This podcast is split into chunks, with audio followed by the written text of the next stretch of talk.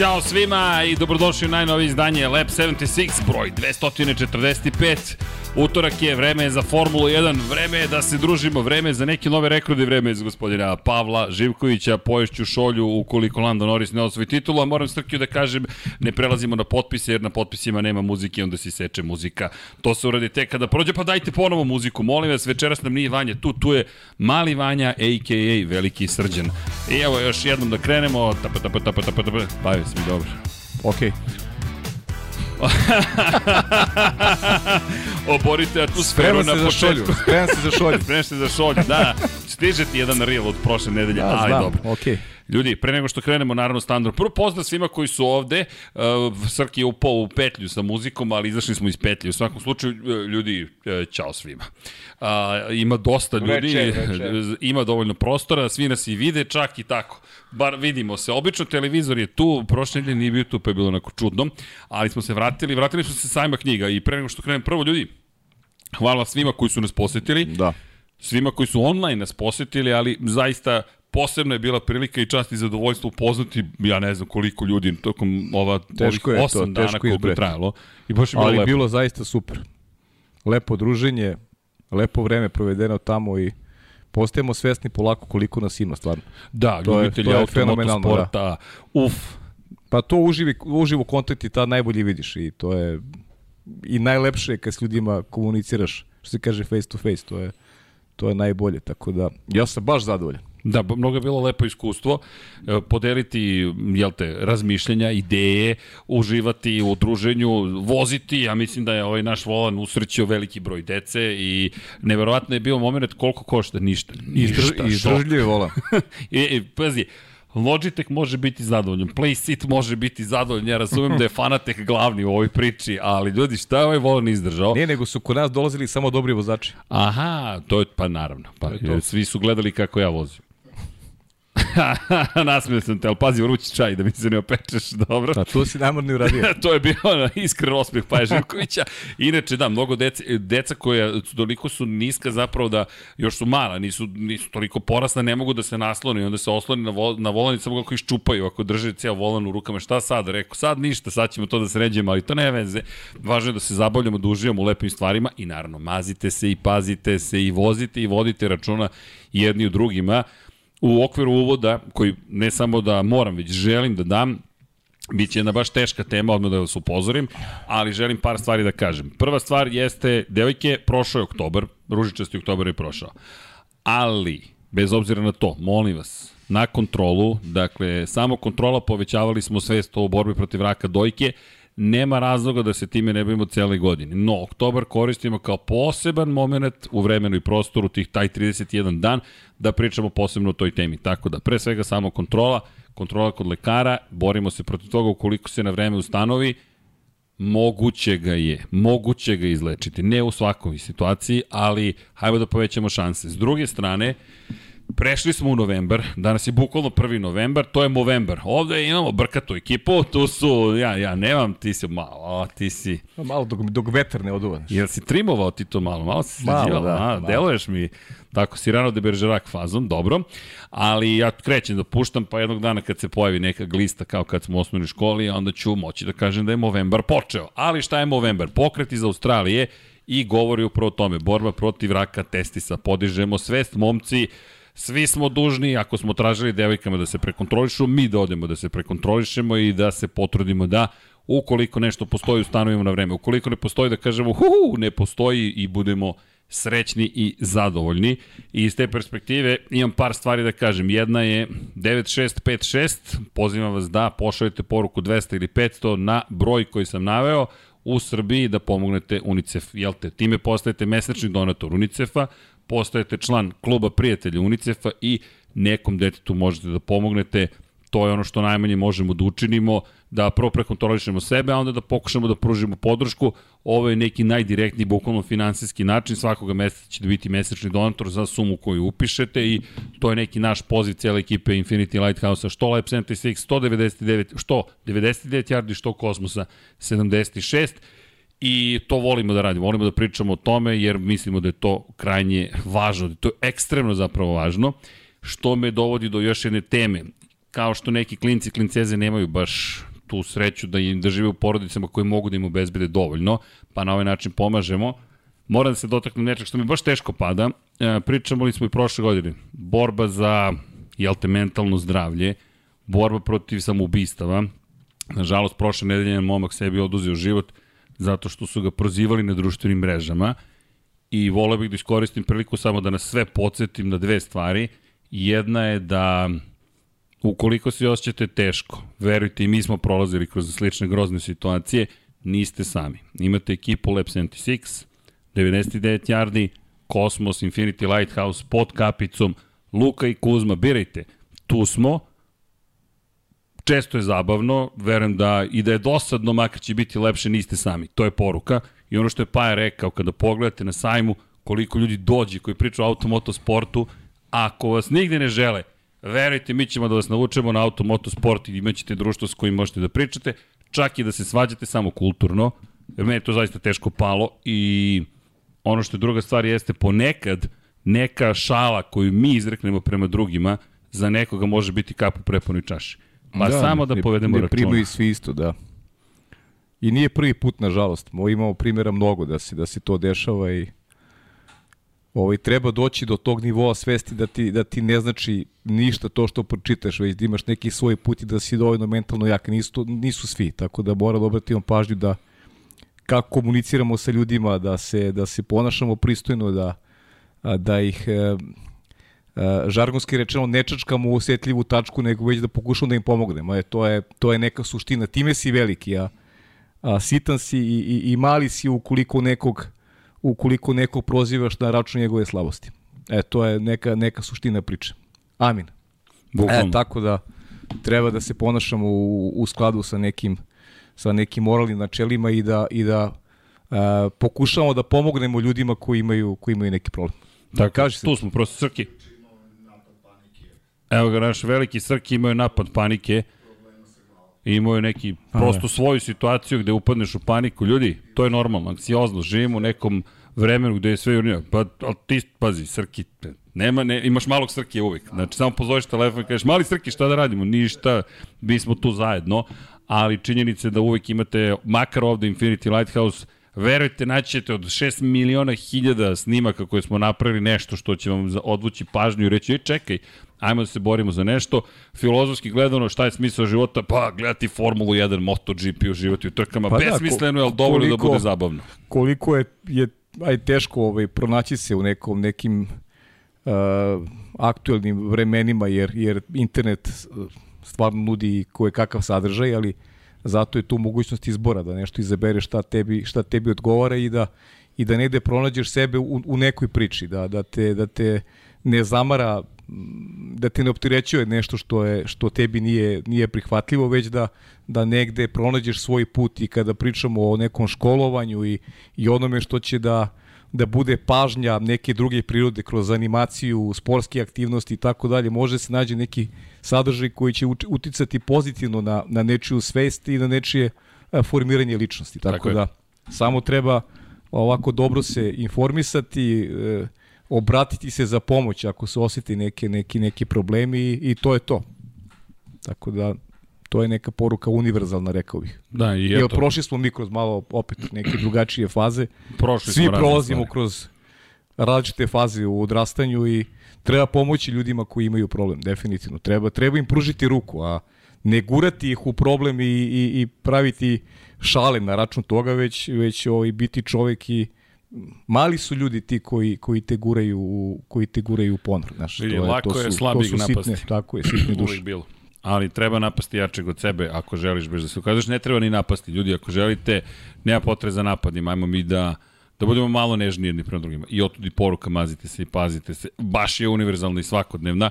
Ne želim da odemo na neku crnu temu, ali to je stvarno sa kojim se suočavamo i kontratežu ćemo naći upravo u tome što smo mi imali priliku da zaista, nas ste usrećili, ljudi, čisto da znate, mi smo srećni zato što smo imali priliku da vas sve upoznamo. Evo sad imamo priliku da, da, da opet tu sa publikom uživo komuniciramo, imamo interakciju, i dalje nam ponekad, nismo ložno skromimo, pa djeluje neverovatno, ali predivan osjećaj. Srki, ne, ne libimo se od toga da pričamo malo o nekim društvenim ne, ne. temama, društvenim pojama. Ne da se ne libimo, to je, mislim to, da smo to i dužni. potrebno, pogotovo što ovaj, to su važnije stvari od trke su zabava i svi to volimo, uživamo strast, ali treba poslati i neku, neku poruku koja, ovaj, koja iz mog ugla vredi, zaista.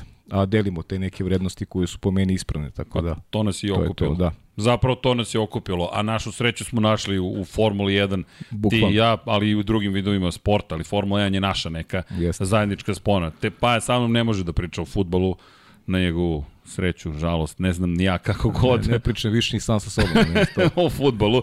Ja ne mogu da pričam o MotoGP-u, nemamo mnogo, ne čak ni MotoGP, ali A, dobro. zato ovdje imamo. Možemo Roniju Salivenu, eto. Roniju možemo. O. Roniju može, evo i moj čale koji kao... Čekam knjigu, ovaj, obećana mi je knjiga. U pretprodaji je. Čekam, da. Mi je nismo objavili, objavila je ekipa Srednja zemlja, pa eto, ili Središnja zemlja, ne, ne znam, tačno ne zamerite, ali dobra su ekipa, got, gotivan tim ljudi koji smo upali, upoznali takođe na sajmu knjiga. To je, bio, to je bilo naše iskustvo iz prethodnih desetak dana, zaista je prošlo ovako Pa brzo. mogu, ja moram ti priznam od, od momenta kada smo ovaj, krenuli sa svim ovim, to je za mene najlepše iskustvo koje smo imali do sada. Moje makar.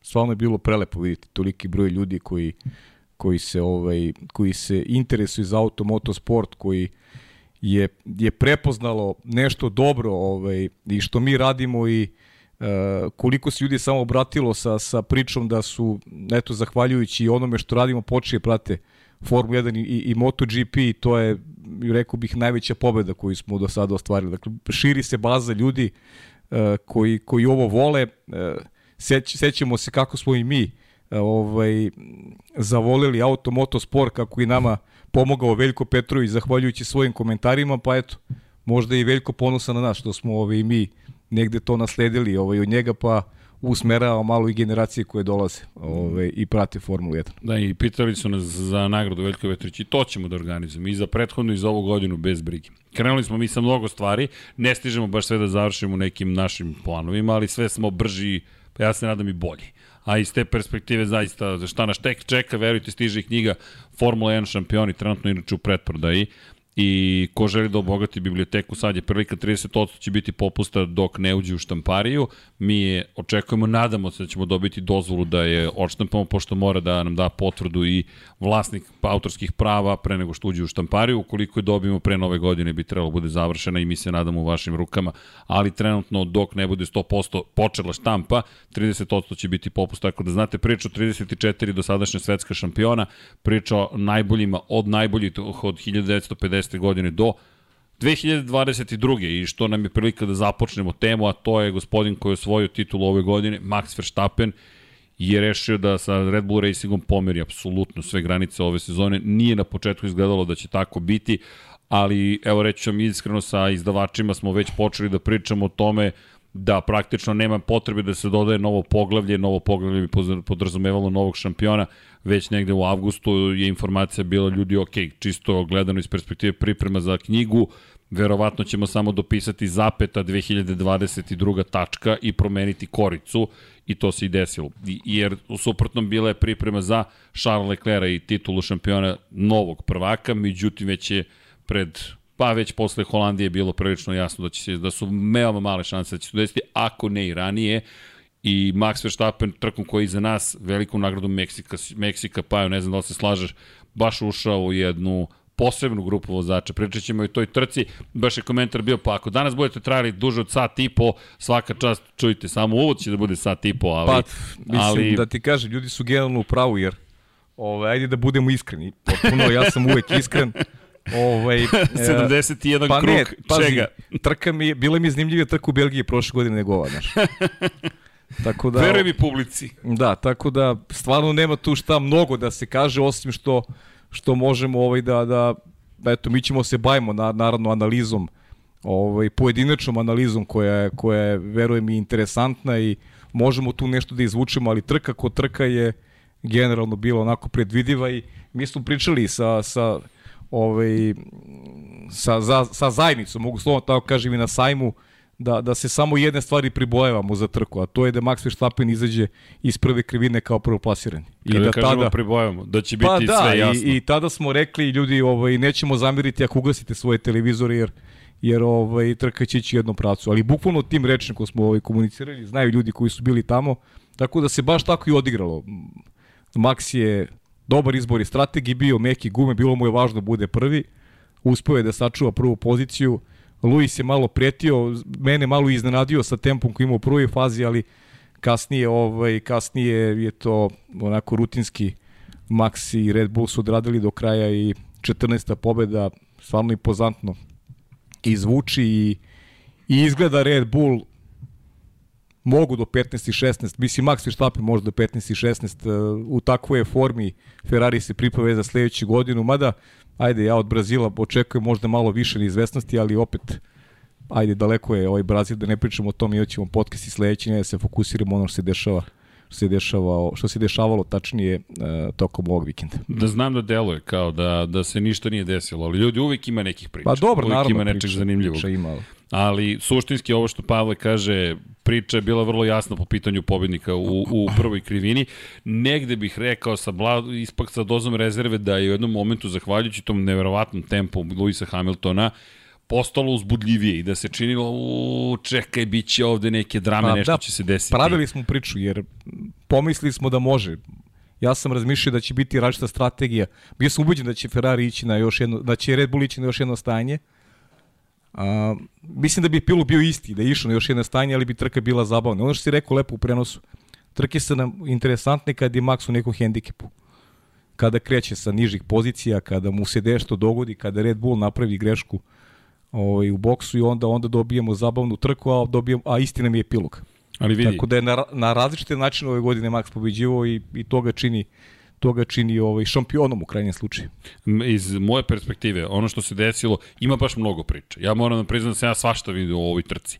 Za početak, ajmo da se dotaknemo rekorda. 14. pobjeda u jednoj sezoni. Bilo je dosta diskusije u kojem broju trke se to desilo, koji je procenat. Dodaćemo i tu dimenziju, pa ja smo o tome već pričali, ali ponovit ćemo. Ali pre toga, ljudi, naslovi kaže, Verstappen je prevazišao Mihajla Šumahira, čoveka koji ima 91 pobedu i 7 titula šampiona sveta, kao čovek koji ima sada najviše pobeda u jednoj sezoni. 2004. u jednoj neverovatnoj godini s Ferrarijem uspeo je da dođe do svoje 13. pobjede u jednom trenutku Mihael Schumacher, 72,27% uspešnosti je bila uspešnost u toj godini i mi pričamo o čoveku koji je obeležio celu jednu eru, mi pričamo o čoveku koji je drugi najuspešniji svih vremena po broju pobjede, samo Lewis Hamilton sa 103 ima veći broj pobjeda i taj čovek koji je 2004. postavio neku granicu za koju smo verovali da nikad neće biti dosegnuta, kamali prevaziđena. Međutim, Sedam godina kasnije, Sebastian, ne sedam, oprostite, svaki put pravim isto grešku, devet godina kasnije, 2013. sa onih devet pobjeda u nizu je došao do 13 triumfa te godine sa Red Bull Racingom i svoje poslednje četvrte titule šampiona sveta Sebastian Vettel, čovjek koji ima 53 pobjede.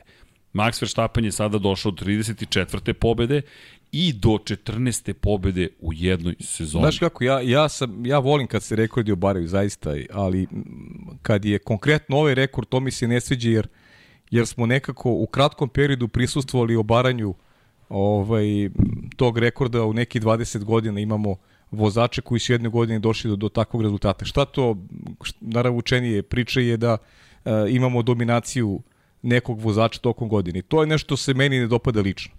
E, svi, verujem, više volimo da to samo ko navija za Maxa Verstappena, Fetela ranije ili, ili Mihajla Šumihera može to da mu prija, da, da gleda trke koje su predvidive.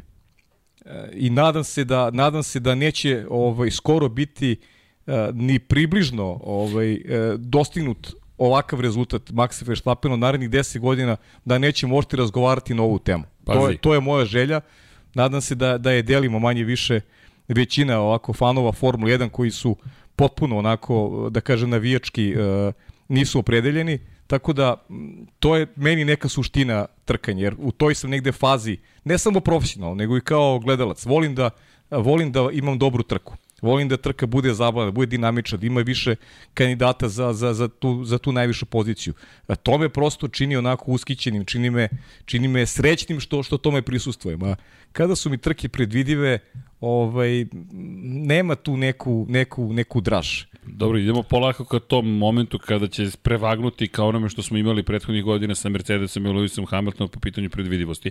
Ako već uveliko nismo tu, pa, ali pazi. Predvidivo, evo recimo Znaš ova trka. kada pada rekord? Ova trka smo vrlo bili predvidivi, evo pričamo što je popuno iskreno, onako na sajmu šta smo, o čemu smo razgovarali, dobili smo baš takvu trku. Ali ima tu, ima tu par dimenzija koje bih dodao, a to je zašto sam ispomenuo i Red Bull Racing, mada Max Verstappen mene potpuno oduševio na ovoj trci i objasni, obrazložit ću šta, šta sam ja video, ono što smo već viđali, ali ovo je kao kruna cele sezone. 14. pobjeda. Pazi, na 9 godina se dešavaju ove stvari. 2004. pa plus 9 2013. pa 2013. plus 9 2022. Dakle, do 2031. ako pratimo statistiku smo mirni. Ko će tada da ima 15, 16, 17 pobjeda ne znam, ali vidi, mislim da će biti vrlo teško ukoliko Max Verstappen dođe do 16 pobjeda, pošto još imamo veliku nagradu Brazila i veliku nagradu Abija da izjednači taj rekord. Zašto? Pazi sad ovo, mi smo sada na 70% uspešnosti kod Maxa Verstappena. 70% ljudi svih trka ove sezone je završio na prvom mestu Max Verstappen. To je besmislen jedan nivo kada govorimo o Formuli 1. Kada pogledaš kroz godine, kroz istoriju, samo par ljudi je imalo takav procenat uspešnosti. Jim Clark 1963. kada je pobedio 7 puta iz 10 trka, Mihael Schumacher 2004. kada je pobedio 13 puta 18 trka, 72,22% uspešnosti i Alberto Ascari 75% uspešnosti, 6 pobjeda u 8 trka. Pazi sad ovo, mi povećavamo broj trka, doćemo možda i do 25, ali ljudi, ovo godina je savršena kombinacija stvari za Maxa Verstappen i Red Bull Racing šta je mene oduševilo kod njega u Mexico City? Pričamo stalno kako se štede gume, štede gume. Pa jo, početak trke na mekim gumama, on prelazi na srednje tvrde gume i završava tu trku. Ili ti izveo Kevina Magnusena, samo još bolje od toga. A Čeko Perez tek šta je izveo ne znam, koji ima identičnu strategiju i što je rekao Toto Wolff, šef Mercedesa, frapirani smo bili da ih je Čeko toliko zloupotrebljavao i opet imao tako da, da. dobar tempo na kraju trke. Fascinantno, što govori par stvari. Prvo, Čeko je fenomenalno čuvanju guma, Max je fenomenalno čuvanju guma i Red Bull Racing ima trenutno na, apsolutno najkompletniji bolid na koji postoji. Pa, upravo si rekao ono što ja ne, ne, ne bih želao da više gledam. Da, o tome sam i pričao malo pre, baš samo si nadovezao okay. da, da, da ne bih voleo da se to nastavi, da, da jedna ekipa na taj način ovaj, završava posao u trkama, a da druge da druge ovaj, imaju problem. Evo i sada se pojavio Mercedes, u momentu kad se Mercedes pojavio mi nemamo Ferrari. Ferrari koji je bio slučajni prolaznik u, u Meksiku. I to je vrlo zanimljiva sad situacija sa Ferrari. Ok, pripremate se za sledeću godinu, ali nestoje sad i kvalifikacioni krug. Ne možete parirati uopšte ovaj, ni Mercedesu, a kamoli Red Bullu. U trci oni su bili zakucani peti i šesti, a slobodno je mogao sa izuzetkom starta koji je bio dobar, pogotovo za Charles Leclerc, mislim da rating nimo razloga uopšte da prati ovaj, šta, bilo šta što se dešava u, u ekipi Ferrarija tokom trke? Pa, par stvari. Ajde da dotaći ćemo se Luisa Hamiltona i Mercedesa. Mislim da je to veoma važno jer su za oni za mene ogromni gubitnici velike nagrade Meksika. Koliko god Lewis Hamilton govorio, zadovoljni smo, super ste, mega posao, kako može za Hamiltona da bude druga pozicija mega urađen posao. Pogotovo u trenutku kada i Toto Wolff kaže da su imali apsolutno najbolji bolid za ovu stazu. I tu pa, dobro, dakle, ne možemo da svedemo samo na Red Bull Racing, već i na činjenicu da je Red Bull Racing imao tim predvođen Hanom Schmitz kao glavnim strategom koji je pobedio Mercedes. Da ne kaže da je Mercedes samog sebe pobedio. Ironija, Matija Binotto, šef Ferrari. Inače, pozdrav za donatora koji se zove Matija Binotto, pročitaću njegovu poruku. Hvala, fenomenalno. Patreon.com, inače kroz Infinity Lighthouse. Matija Binotto koji je rekao, nas stalno kritikujete za loše strategije, evo sad je Mercedes to učinio. Matija, ali ne ovaj naš donator, već Matija Binotto, pusti Mercedes, pusti Red Bull, vodi računa o Ferrariju, jer to je vrhunska, to je sada nije čak ni ironija, ja sam frapiran. Aha, evo nas ste kritikovali, se sećate, evo vam Mercedes. Kakve to veze ima s tobom? Mercedes jeste pogrešio, ali ajde samo da, da, da se zadržimo trenutak na Ferrariju. Ferrari 2200 metara nadmorske visine staze na kojoj se nalazimo. Ferrari je u najvećim problemima. Pričali smo o tome da će neko trpeti kada je reč o turbu, samo da objasnimo za one koje eventualno ne znaju. Mnogo je ređi pa, vazduh. Ali da ti kažem, opet pričamo, ja, ja se ne slažem ovaj da, da treba sad Mercedes staviti na na neku stub srama po znacima navoda. Sad ću ti kažem zbog čega. Ovo. Pa dobro, ali, ali ja mislim da smo pričali pre početka trke. Meni je bilo nacrtana strategija za Mercedes srednje, tvrde, srednje gume i tvrde gume. Opet je, nije problem Mercedes, nego je problem uh, taj kvalitet koji ima Red Bull. Tako ono je. si rekao malo pre. Da, uh, zaista, ja, ja ne verujem da je bilo ko predvideo da može Max Verstappen da odveze 50 krugova na srednje tvrdim gumama i da na taj način, ok, ja, ja stvarno to nisam verovao. Da može da uradi 50, 50 krugova da vozi srednje tvrdim gumama sa takvim tempom. Ja sam mislio da ta razlika da pada i, i negde stvarno ne mislim da je, da je Mercedes, znaš gde je pogrešio Mercedes? Mercedes je pogrešio što nije poslušao Georgea Russella u momentu kada se videlo da Hamilton na strategiji sa, sa, sa tvrdim gumama ne može da parira. George Russell je sam zatražio da se pređe na meke gume, e tu je Mercedes mogao da preuzme više rizika i mislim da je tu osnovi bila greška. A kod Luisa Hamiltona, iskreno mislim da su oni dobro, mislim dobro, percipirali su trku onako kako bi, verujem, svaku radio na njihovo e, mesto. Ali tu je moja zamerka. Vidi, evo samo pogledaj ovaj kadar. Dakle, pogled na, na, na, na, na, na strategiju. Inače, ja sam bio ubeđen kada sam vidio da je na making guma Max Verstappen da će ići na jedno stajanje. Zašto? Kao odgovor na strategiju Mercedesa. Jer ti u momentu kada vidiš da, da počinju na tr trku na srednje tvrdim gumama i George Russell koji je na poziciji broj 2 i Lewis Hamilton, doći ćemo i do analize starta, takođe kreće na srednje tvrdim gumama. To znači da je gotovo sigurno da idu na tvrde. E sad, Ni ja nisam verovao da će ljudi voziti na srednje tvrdim do ne znam kog kruga i preći na meke. Pogledaj koliko je to krugova. A, a, 25 Verstappen je vozio na srednje na, na mekim na gumama. Gumama. I držao tempo. Hamilton ga je sjajno pratio do 29. kruga. I tu sad postoji par problema. Prvo, istovremeno bih da pohvalim Red Bull Racing, očigledno da su strateški nadmoćni, ali istovremeno kritikujem Mercedes zašto? Zato što mi deluje da su pocenili šta sve može da se strateški uradi ovde. Ili ti u treningu 1, pa i do nekle u treningu 2 sa Russellom nisu uradili posao na najbolji mogući način. I istovremeno, Russell je lepo si rekao, šta je rekao Russell? Bila, bila su zelena vremena kod, kod Luisa Hamiltona, i verovali su da to su inače najbolje lične vremena. Da to govori u prilog tome, ako možeš trki da vratiš samo kadar, a, onaj prethodni. Čini mi se da je Latifi prvi, Nikolas Latifi u Williamsu prvi menjao gume i da je prešao zapravo na tvrde gume i ako se ne varam, Latifi, da, prešao na tvrde gume. I u Mercedesu su gledali rezultate koje imao Latifi pratili su i pošto je postavljao najbolje lične vremena na početku, verovali su da tvrda guma ipak funkcioniše. Ispostavilo se da to traje par krugova i da počinje jedan ozbiljan pad. I sad, to ono što si lepo rekao, Russellu nisu, nisu sa Russellom išli na agresivniju strategiju. Ajde da ostanemo duže na stazi i da pokušamo te prebacimo na meke gume i ne bih ih toliko kritikovao da su i ostali Ma to ne, uradili. ja, ja, ja, ja ih za ovo, za ovo i kritikujem za Russella, jer, jer je... Uh, to je dobar predlog bio George Russell. Ti ovdje imaš dva vozača, imaš sa različitim strategijama i pokušaj da možda nešto napraviš u momentu kada imaš vidiš šansu. kada vidiš da strategija sa tvrdi gumama kod Luisa Hamiltona baš ne daje rezultate. Iako je Mercedes, ja verujem da je Mercedes očekivao ono što stvarno, uh, ok, svaka čast, ti si mislio da će završi uh, Max na sredini. Ja nisam, ne, ne, nisam sredini, ja sam mislio da će preći na tvrde. Da, da ja, ja nisam mislio da će na sredini tvrdim toliko dobro voziti 50 krugova. Zaista nisam to očekivao. Uh, ali je bilo evidentno da razlika ide u korist Maxa Verstappena iz kruga u krug i kad je prešao na tvrde e, Luis i to je mogao da bude signal za Mercedes da počaste George da Russella, Russella da počaste Russella sa drugačijom strategijom jer šta mogu da izgube? Šta ti možeš da izgubiš? Možeš samo da dobiješ nisi u borbi za šampionsku titulu, možda profitiraš sa, sa Umesto drugačijom strategijom. Umesto četvrti peti, šta pa šesti da, pa nema veze, da budeš i sedmi, da budeš i sedmi, kakve veze ima, da budeš, znači ništa ne gubiš, a možeš eventualno staviš Red Bull po malo veći pritisak. E, tu su propustili šansu da, da se razlikuju strateški i da naprave nešto pozitivno za ekipu. Nisu radili i tu zaslužuju kritiku. Jer je sam vozač osetio Da, I to ne da, jedan. I pa da. Hamilton im je rekao, Hamilton sigurno je rekao, da ovo dobra guma. Pa da, ali Hamilton je, mislim da je to već bilo kasto za promenu. Za njega da, ali mi on Znaš, dao informaciju, ljudi, okay. jeste sigurni da ovo dobra Russell guma. još ti menjao gume i kod Russella moglo. Za Hamiltona je već bila izgubljena trka, to je već bilo gotovo. Ali su mogli da iskoriste njegove povratne informacije da kažu, čekaj, pazi, tebi govori najbolji vozač svih vremena i ljudi, ovi, sigurno su ovo dobre gume, super su gume, idemo do kraja.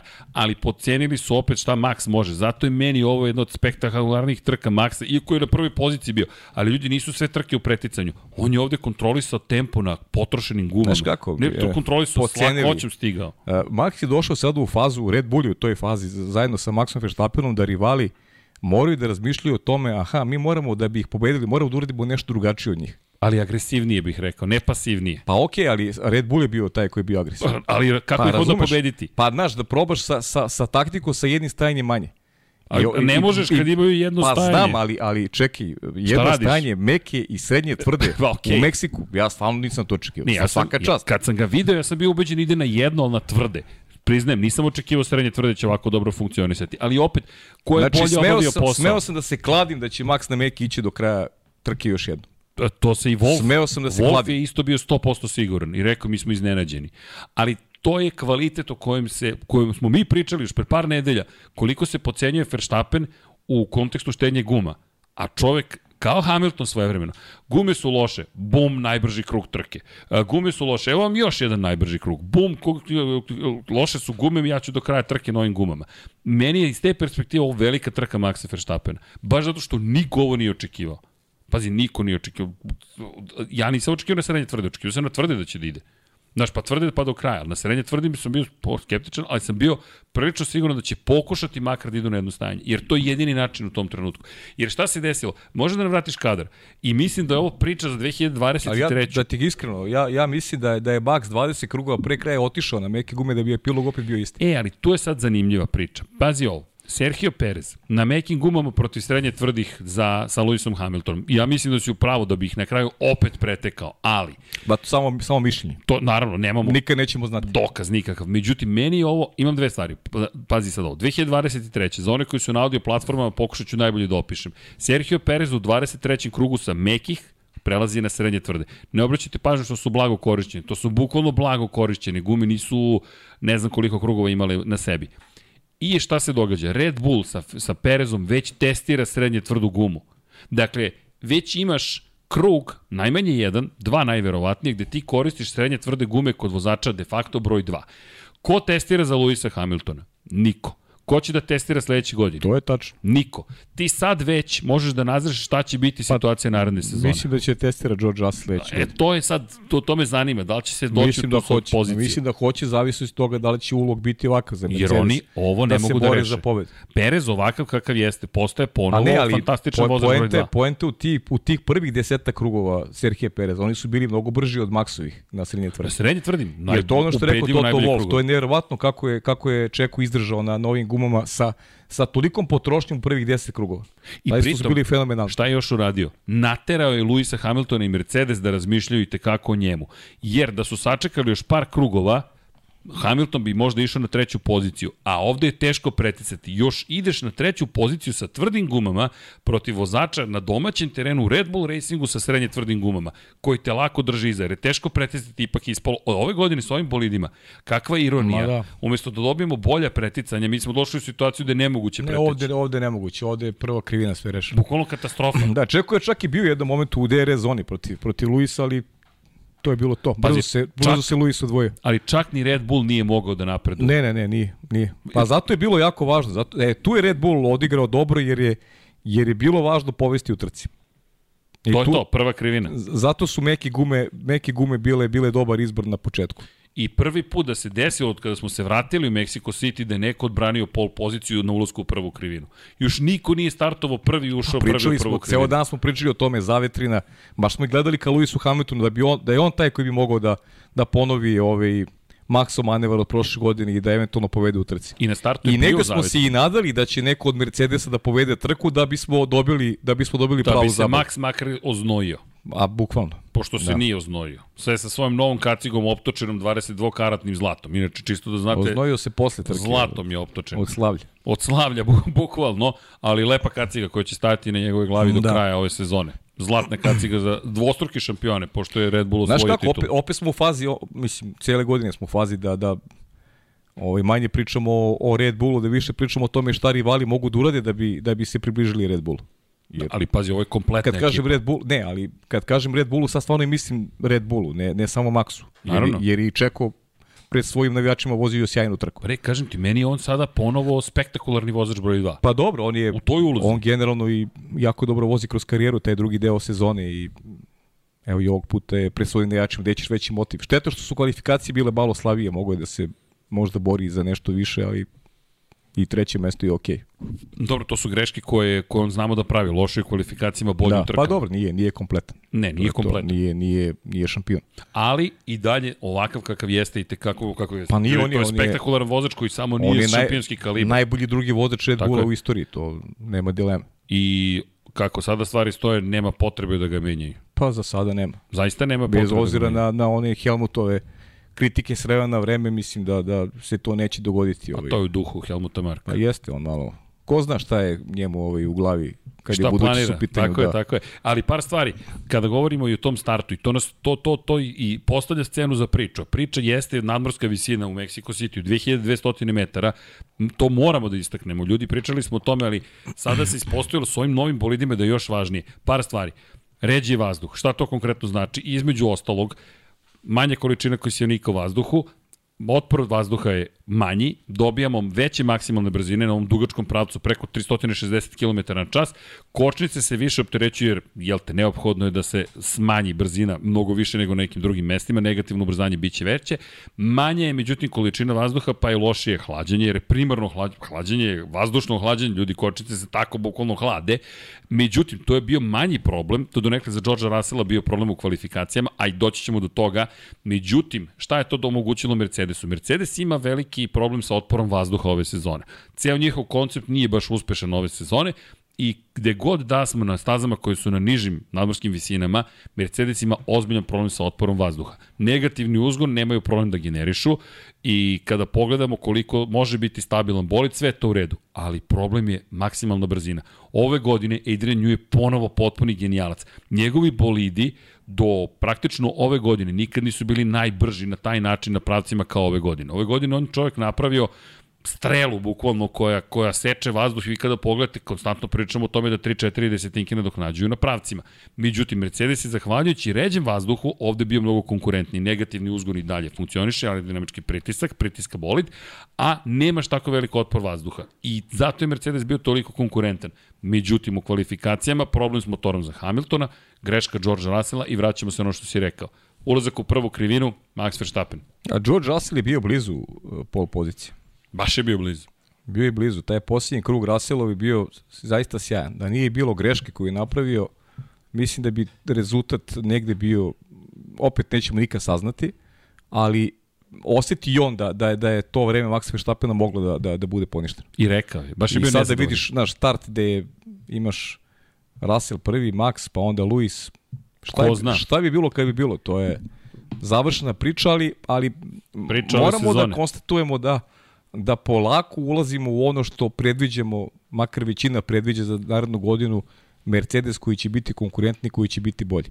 I sad, tu ima pitanja, ona koje si načeo, ja verujem da će postojati jasna podela na, na vozače 1 i 2 u Mercedesu, jer siguran sam da Toto Wolffo zna da samo na taj način možda se bori protiv Maxa Verstappena, drugačiji način ne postoji e, u, u raspodeli snaga koja, koja je aktuelna u Red Bullu, to je ono što Ferrariju nedostaje i neće ga ni imati naredne godine i to sam opet gotovo ubeđen da, da Leclerc neće imati status vozača broj 1, već opet Ferrari da onako balansira između toga da ne znam, ko, Pa ajmo opet ista ko bude priča. bolji, Perez je pobed, jasno pobedu nek vozač slavi i tako dalje. A, a Ako Mercedes definiše, mislim da će Mercedes da definiše sigurno. to. samo ostaje, jer pazi, ako ovo Toto Wolfu i Mercedesu nije jasno, onda su ozbiljni problemima, a mislim da im je jasno. Sergio Perez, jer vidi, ako pogledaš, kada je Red Bull osvojio titulu? Kada je dobio adekvatnog vozača broj 2. Bukvalno Pa ne, vozača ali broj 2. sa, samo prva titula ovaj, nije osvojena na način da su imali vozača broj 2. Već su se Sa trkali Sebastianom Vettelom. i Sebastian Vettel i Mark Webber su se borili za titulu.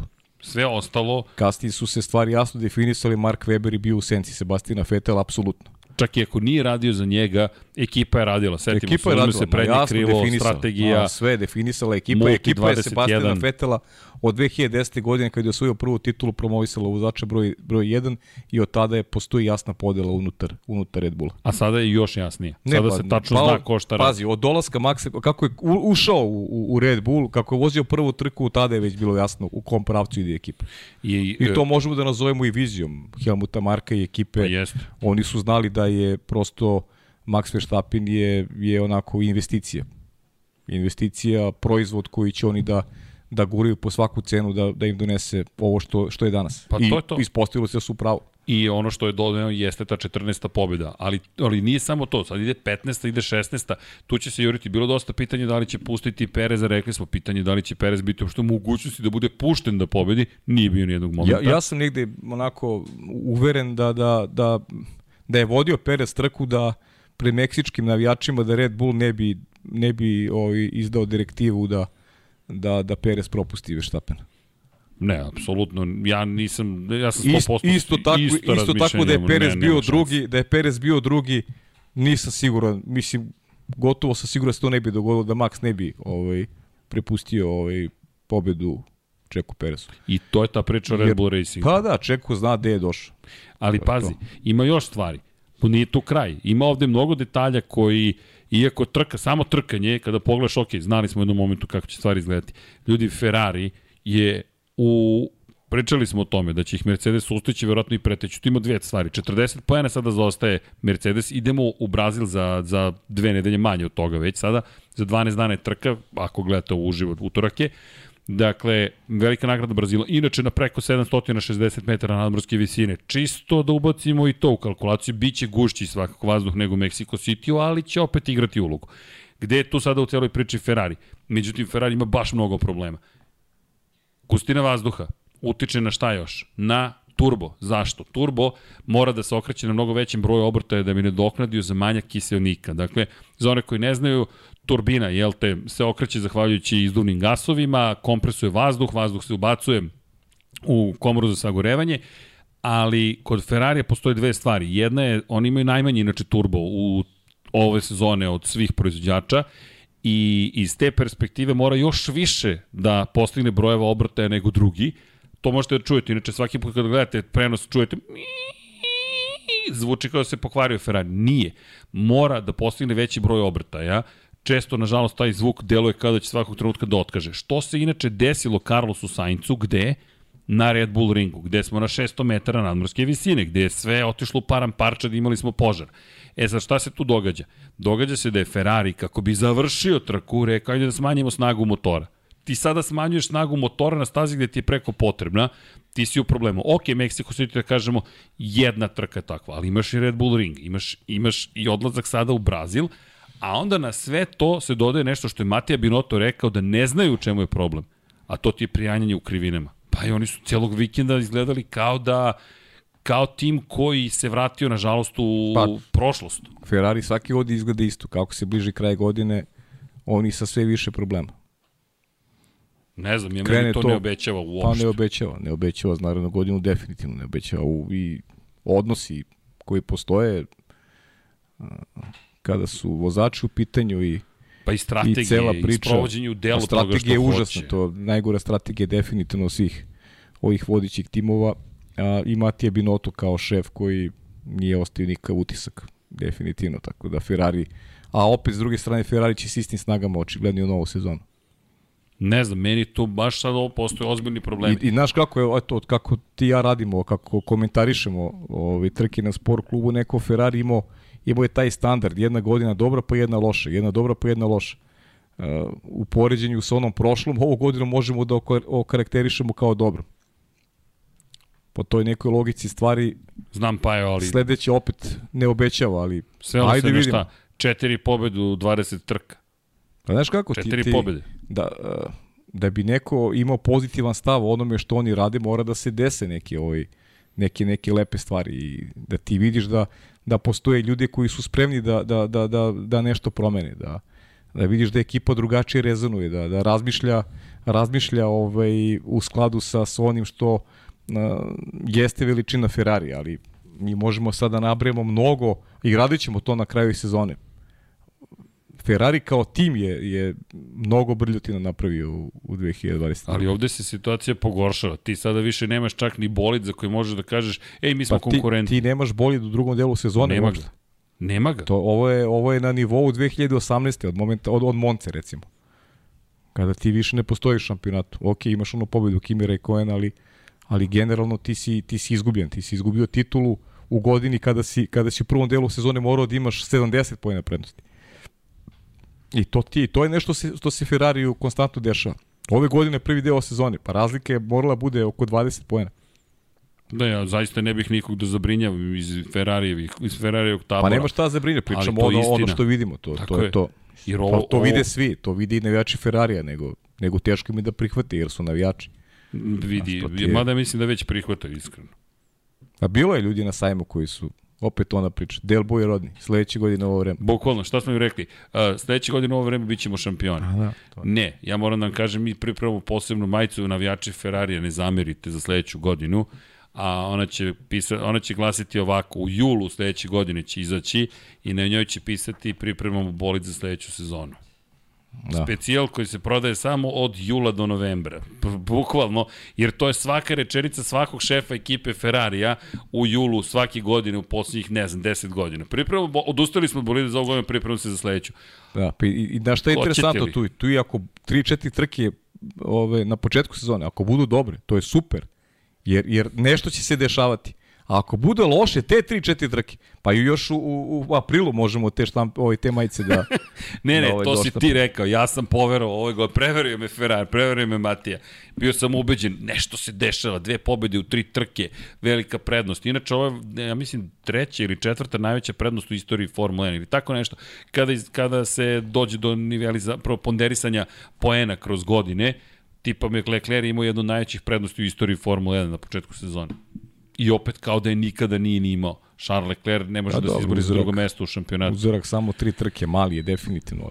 Pa znam, ali opet ali, nešto naš, ti obećava.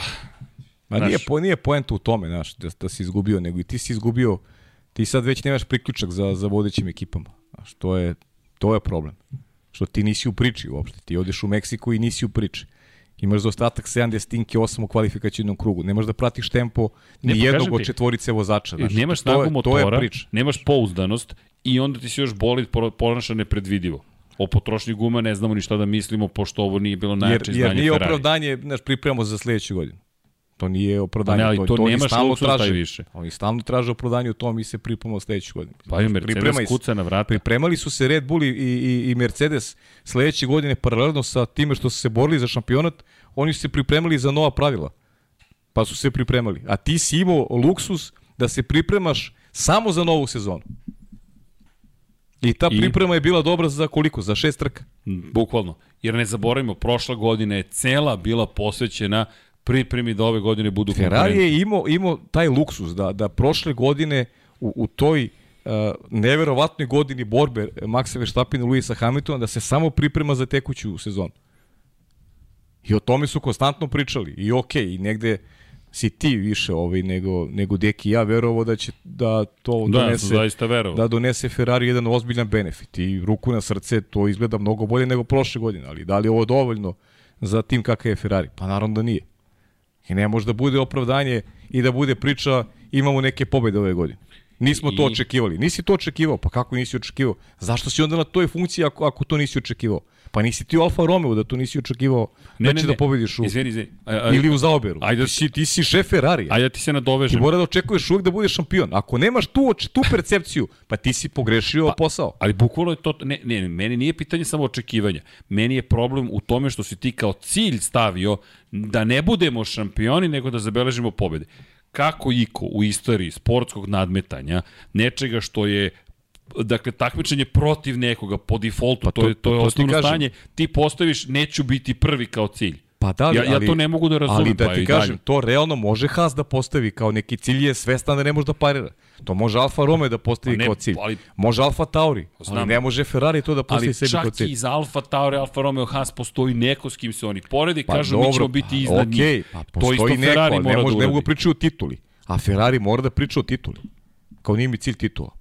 Pa dobro, šta je cilj Ferrari? Ne znam, da šta, se pojavi da na stazi. Promovišeš brend, šta? Pošto nije poznat, pošto si, šta? Pošto si novi, ovaj, niko ne zna ko si. Ne znam, meni je to, meni je to ba, teško mi pada ta izjava. Ja se i dalje vraćam na to i mislim da je to najdramatičnija koju, izjava koju smo mi čuli. Pa dobro, ali znaš, to, to treba da smeta nekome ko se, ko se bavi ozbiljno, ko, ko, ko rukovodi a, celom pričom. A, znamo koje je sto vrata, nego to je neki, znaš, neki začarani krug, očigledno, Dobro, ovaj, u Ferrariju stvari znaš, nevjerojatno se menjati. I, I Binoto će vratno ostati, ali vidi, pa, znaš na što da. me podsjeća, na Masija prošle godine, Michaela Masija, bivšeg direktora trka Formula 1 u Saudijskoj Arabiji, kada je sišao da metla i da sklanja, bukvalno da metlom čisti stazu, tako me podsjeća Binotov trenutni boravak u Maranelu, ja se bavim razvojem bolida za sledeću godinu. Ne, ne, ne, ne, ne. Ne, ne, tvoja ekipa je trenutno pretrpela najgori vikend u 2022. Tebe tamo nije bilo. Ti, ta, tim je bez glave Dakle, možda to super zvuči, treba. Da je tehnički direktor, ja bih podržao, rekao jednog tamo. To je ono što on treba da bude od prvog dana, ali, tehnički direktor. Tako je, ali ne možeš ovako da vodiš tim. Pa kako mi poruku šalješ? Propadajte, ja neću biti tu, bavim se bolinom za sledeću godinu. Pa ne, ti time da, znaš, nemate. U, u, upravo tu i poruku i šalješ. Dosta je jasna poruka. Pa da, mislim. Ne, jasna je poruka. Mi okej. smo tamo bez ambicije, mi se pripremamo za sledeću godinu. I ti šalješ tu poruku i vozačima. Ok, eto, nema šefa, pa Pa šta? ajde, vi, nam, znaš, imamo neke druge ciljeve. Ne razumem. Kako planiraš da organizuješ tim Loša, loša priča skroz. ne, ne dopada mi se. Ali zaista, to je ono što smo takođe videli. I ako pogledaš, izvini, možeš da nam vratiš trki strategiju, molim te. Dakle, kada pogledaš šta se desilo, dođeš do toga da kažeš sebi, ok, evo, Ferrari, Sainz Leclerc, imaju strategiju koja uopšte nije loša. Prvi put posle hiljadu godina. Meke je na srednje tvrde. Dakle, samo sam proverio, pogledam još jednom da ne pogrešim i ti imaš situaciju u kojoj oni opet ništa ne mogu. Dakle, stalno ti nešto nedostaje. Ili da. ti vrtimo se u krug. U jednom momentu imaš vozače, ali nemaš strategiju. U jednom momentu onda imaš vozače, imaš strategiju, nemaš bolid, kao što je sada. Pa, a znaš zašto nemaš problem sa strategijom i sa ekipom? Nema pritiska. Pa nema pritiska. Pa naravno. Čim ima pritiska, oni, oni, se pogube nešto, nešto, nešto pobrkaju lončiće i naprave neku glupost. Ovako, peti i šest nema pritiska, oni onda ne zaborave ovaj, gumu, onda su okej, a čim ima neki pritisak, a mora se uredi nešto brzo, da se donese odluka u sekundi, da se, znaš, da budeš negde ovaj, bistriji, spretniji u, u realizaciji nekog programa, tu, tu, se, tu se gube. A ovako, peto, šesto mesto, ti ne možeš timu da zameriš ništa. Ali zato što, Vraćamo se zato što unazad. se ne bori ni za kakav ulog. Pa da, ali vrat, to je to. vraćamo se bukvalno u rekord pu, punom brzinom. A da. Ali, ima tu još tema. Nadovezuje se na šta? Najzad smo dobili, to nismo analizirali tokom podcasta, odluku o kazni Red Bulla za, pre, za kršenje budžeta prošle sezone. Hoćemo to da sada ili da Ja bih to prvo sada, trku? znaš zašto? S obzirom na činjenicu da je period dominacije. Samo da povežemo te stvari i da damo naše mišljenje, jer pazi, to opet na kraju mišljenje, nemamo, ja nemam makar dovoljno podataka da bi rekao, e, Red Pa Bull, to zahvaljujući niko, da. tome, je bolji ili nije bolji, Za ali... 2% ili 2% u stvari. 3, 4, ne znam. Ne znamo. Da, nemam pojma. Ali ono što je činjenica, Red Bull je prekršio budžet. Vratit ćemo se na temu detaljnije kasnije, ali samo kratko, 7 miliona dolara će biti kazna koju moraju da prave, prate, plate u roku 30 dana. Inače, do 26. čini mi se oktobra će važiti još jedna kazna, sportska kazna, a to je da će im biti za 10% od vremena koje je za njih predviđeno testiranje u aerodinamičkom tunelu, to je aerodinamičkih testiranja, biti smanjeno za narednu sezonu, za period od 12 meseci. Šta to konkretno znači? Kao šampioni sveta u ovoj godini, od nominalnog vremena, 100%, dakle, posto testiranja koje je predviđeno za timove, 63% će biti konačni rezultat za njih. 70 zato što su šampioni i 10 od tih 70%, dakle za 7 procentnih poena odnosu na nominalnu jel te stavku, doći će do 63%. Mercedes ukoliko bude drugi imaće 75% testiranja, mogućnosti testiranja, 80% ukoliko bude treći. To isto kasnije je da li hoćeš da budeš drugi, jer Mercedesu novac nije problematičan, dakle ne juri pare, ne juri slavo da bude drugi, može da ostane Treći, ne kažem da će to učiniti, ali samo eto, konstatujem da tu ima 5% razlike.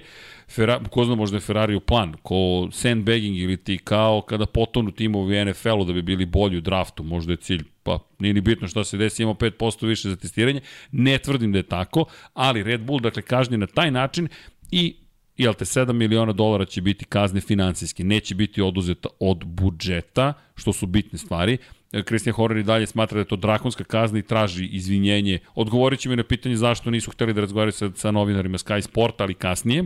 Da, da. Samo da napomenem, pošto je dosta velik skandal, i ne njihovo odbijanje samo, već Ted Kravic i izjave i kombinacija sa, sa Pa ja moram ti kažem da apsolutno podržavam. Red Bull. Tako je. Ovog puta se slažem. Uvek sam na strani Apsolutno kolega, podržavam. ali ono što Ted Kravic trenutno radi, A ti, Meni ti ćeš, neprofesionalno da, krajnje. ti ćeš u nekom da pričaš šta ti padne na pamet i onda ćeš da se da. ljutiš što neko neće da intervju za tebe. Mislim, treba, treba neko da, treba da ljudi da poštuju svoj integritet i ovaj, poštuju sebe. E, Pa- to, to je način da poštuješ pa i sebe. profesiju. znaš. Pa, mislim, Našu profesiju. Tako je. Ali u svakom slučaju da- kazna je dodeljena. Prema onome što smo saznali, Red Bull je prekršio. Dakle, budžet, ako gledate poreze kojim nisu vraćeni preko 2 miliona dolara je, je prekršaj, što je poprilično velika svota novca, da su im porezi vraćeni, to bi bilo oko 450 i nešto hiljada funti, što opet nije malo, međutim bili su transparentni, ono što je super, transparentno je prikazano šta su sve zaista prekršili, između ostalog catering jeste u svemu tome, dakle razne su stvari, ima spisak od 13 tačaka, posle ćemo da ih se dotaknemo malo detaljnije, ali iz perspektive onoga što se sada tvrdi da Red Bull zapravo nije zaslužio titulu, ne stavljam znak jednakosti, pa, zato što ne vidim da je to ono što je ključno bilo za ovakvu dominantnu sezonu. Da li bi možda imali manje pobjeda, ne znam, a da li bi Verstappen bio dalje šampion i dalje mislim da bi bio šampion, samo mišljenje, nemamo pojma, ali isto tako kazna za 2023. i 2024. može biti vrlo ozbiljna, pogotovo za 2024. pošto se značajno smanjuje vreme za razvoj Bolivije. Pa to smo pričali, ti ja i u direktnom prenosu, ali ajde eto, da ponovimo Samo... i u podcastu, ja se, meni je kazna onako zaista ozbiljna kazna. Jedino što bi, što bi tu novčanu prebacio za budžet za narednu godinu. I to smo pričali o tome i, i tokom ranijih podcasta, dakle, kazna mora da bude onako Mora jasna da, da je osete, da, manji, da je osete. Da je osete i kroz budžet, a i naravno ovaj drugi deo kazne mislim da je ozbiljno da će to Red Bull da oseti i tekako. I to, to, je, to je moje mišljenje, to je moje mišljenje, naravno da pritisak, najveći pritisak, pritisak i od strane Ferrari i Mercedesa kao zainteresovanim stranama, jer su ekipe koje vide da od potencijalne kazne mogu da profitiraju i tako je bilo i u prošlosti, uh, u nekim drugim ulogama ali realno, realno uh, Red Bull je dobio, rekao bih, negde negde adekvatnu kaznu koju će, koju će da ne kroz novac, već kroz ovaj drugi deo priče koji si, koji si apostrofirao i uh, ako im se ponovi, e onda možemo da pričamo o, o kršenju onoga što se zove sportski pravilnik i mislim da moraju da dobiju kudi kamo veću kaznu u tom pogledu. Onda već dovodimo u, u pitanje uh, Pa i integritet. I, i, ono, i, ono, i integritet i ono što se dešava, što se dešava na stazi. Ovo im je ozbiljan nauk. A ti si lepo rekao u prenosu. Veliko je pitanje šta se u tim knjigama dešava kada govorimo o tekućoj godini, šta će izaći na videlo tamo s početka 2023. ili sredinom 2023. godine, tako da e, Kako si vodio ko, knjige? Ko im radi knjige, mislim da mu nije dobro uopšte ovaj, trenutno, tako da pratit ćemo naravno šta se dešava, pratit ćemo i reakciju ostalih, uh, ostalih timova, ali eto dobili smo dobili smo konačno kraj te, kraj te sapunice. Iz mog ugla, kažem, to je samo moje mišljenje, neka kazna koja je adekvatna s tim što se ne slažem za uh, tu, da kažem, ajde, kaznu koju treba platiti 7 miliona, ja bih, ja bi im to oduzeo od budžeta za narodnu godinu. Mislim da je Jer Zek, to, bi, to bi ih više bolilo. Zek Brown je dao dobar predlog. Koliko ste prekršili 2,2 miliona dolara? Pomnožimo sa 2 i to vam oduzmemo od ograničenja u budžetu. I smanjiš za 4,4 miliona. Mora ti priznam da se u posljednje vreme, ovaj, ne u posljednje vreme, nego vrlo često slažem sa onim što kaže Zek Brown. I znaš šta me zanima? Sad izvini, znam da kad skačem na sledeću temu, ali ima, mi nemamo baš klasične teme. Gos, dame i gospodo su videli pripremu. Priprema je bilo skuvajmo čaj. Ali pa da, otprilike to, mi ovo ljudi obožavamo. Da. Preslačili smo se. Testirali ne, smo nemamo, neku novu skripte, nemamo skripte. Nemamo skripte, da, gde su ti puškice? da. ali ima tu jedna bitna stvar, a to je šta li Zek Brown kaže posle ove trke. Ne mislim da, da se menja mišljenje o Danielu Ricardu, ali ljudi, bukvalno jedna od najluđih trka uz... Uh, moram da iskoristim ovu priliku. Da li, je nek, da li je neko od vas dozvolio sebi da propusti završnicu Naskara? Da li ste propustili? E, ne, ljudi, ne, ne, ne. Ne, Ljudi, ne, ne, to, to morate da vidite. Posljednji krug, ste videli? Ne, ne, ne, ne, ne. Ne. Ne. Ja sad, sad se naježim. E, bukvalno sada, Crki, možeš da nam pustiš sa Twittera šta su naše kolege bez tona uh, do, pustile, pošto je neophodno da to učinimo. Uh, interact with web browser imaš opciju Pritom, da, to, ali... je, to je čovjek koji nije omiljen među vozačima. Tako je, koji nije omiljen među vozačima, međutim, nijedan... Zato što je, ume da bude bezobrazan, prljav, kao ga zovu, tako da a uprko svemu je uradio nešto što što, što za sada samo sa divljenjem posmatraju praktično svi. I evo stiže asistencija, koleginica iz prodaje preuzela kontrolu nad situacijom, ali ja moram da spojim te dve stvari. Zašto? Daniel Ricardo, ljudi, je imao jednu od najluđih trka koje smo videli u poslednje vreme. Evo ovde imamo navijače Daniela Ricarda i svaka mu čast zaista, neka ovo bude i uspomena jedna od najjačih na Daniela Ricarda i, i tu par stvari postoji. dobio je kaznu 10 sekundi, dakle dodatnog vremena, kada je Yuki Tsunoda izgurao potpuno nepropisno u krivini broj 6, dakle ono je potpuno... Sklonio ga sa staze. Sklonio ga sa staze, zasluženo je sad... Kao ne, u Naskaru. Neko je pitao, neko je dobio 5, neko je dobio 10. Ne znam zašto su Ricardo dali baš 10, a ne 5. Pitajte sudije, to su nemogući sada Da. Jel te informacije, ali Daniel Ricardo koji tog momenta počinje da vozi jednu od najzabavnijih trka koje smo imali prilike da gledamo i dolazimo u situaciju da, da završava preko 10 sekundi. Čovjek je završio preko 10 sekundi u odnosu ono što mu je bilo Ča, a, potrebno. čak i bilo i virtualno vozilo bezbednosti na momentu. Čak je bilo i virtualno vozilo Pored bezbednosti. toga, je, da, pored toga je, je išao preko 10 sekundi. 10 Pa sekundi. to je ono, rekao sam jednom momentu, mora se probudi i Sergio Perez u njemu, da, da, da dobijemo nešto, nešto Može. nevjerovatno. E sad, zašto vam to govorim? Pusti sad NASCAR, molim te, ovo morate da vidite. Paja pruža ruku, ali... čaj. Čeka čaj, ali Srki još nije pustio NASCAR. E, dakle, Vanja, Vanja nam odmara, inače malo, pošto smo imali 10 intenzivnih dana, ne, hoće tranzicija, transition, jesmo uspeli? Gledajte, a, mislim da ti je malo pobego kadar, a, mislim da ćeš morati resize, ali to je sve u redu. Dok Srki priprema kadar, evo koleginici iz prodaje će da mu pomogne, ja se nadam. Dakle, vidjet ćete šta je sa druge strane bare, mada su na istom delu jel te, planete Zemlje, severnoamerički kontinent bili, urađeno u okviru NASCAR-a. Ljudi, uh, Ross Chastain je Pa ne znam, to je manevar, ne znam, jedan od najboljih u istoriji e, auto motosporta, definitivno. Šta je čovjek uradio? Evo ga, Crki je u svom elementu, evo, obratite pažnju, ovo je sa Twittera, dakle, puštaj, Crki, play, samo bez muzike je trebalo, ali dobro. Obratite pažnju sada na ovo. Ross Chastain se zaleteo u spoljni zid i zahvaljujući ovom manevru došao do pozicije koja ga vodi u finale play-offa i borit će se za titul. Za pola automobila je pobedio Denija Hamlina. I izbacio ga iz Svesno, play-offa. svesno je ovo uradio. Svesno ovo je sve svesno uradio. Zaleteo u, U zid. zid. Da, I, I šta je još rekao? Rekao je da je ovo vežbao. da. Rekao je da je ovo vežbao. E, n- potpuno nestvarna, bizarna situacija, zašto to povezuje s Danielom Ricardom, onaj moment kada nam treba jedna lucidna trka, ne znam šta bih drugačije Sjajno. rekao, Inače, svi vozači, svi inženjeri, svi mehaničari, svi bukvalno su rekli ovo ću pamtiti. O, I niko nije otišao i zamerio. Ko se još oglasio? Fernando Alonso, dvostruki šampion sveta, je tweetovao kako smo svi ovo radili, ali u igricama, kada ukinemo Pa to- oštećenje bolida. Da. Ali ovo što ste videli se desilo, nije simulacija, nije igrica. Ross Chastain je odvezao jedan od najluđih završnica. Ja nemam reči koje ja ikada sam video. Ništa slično nikada nisam video. Ne, ne, ne, nikad.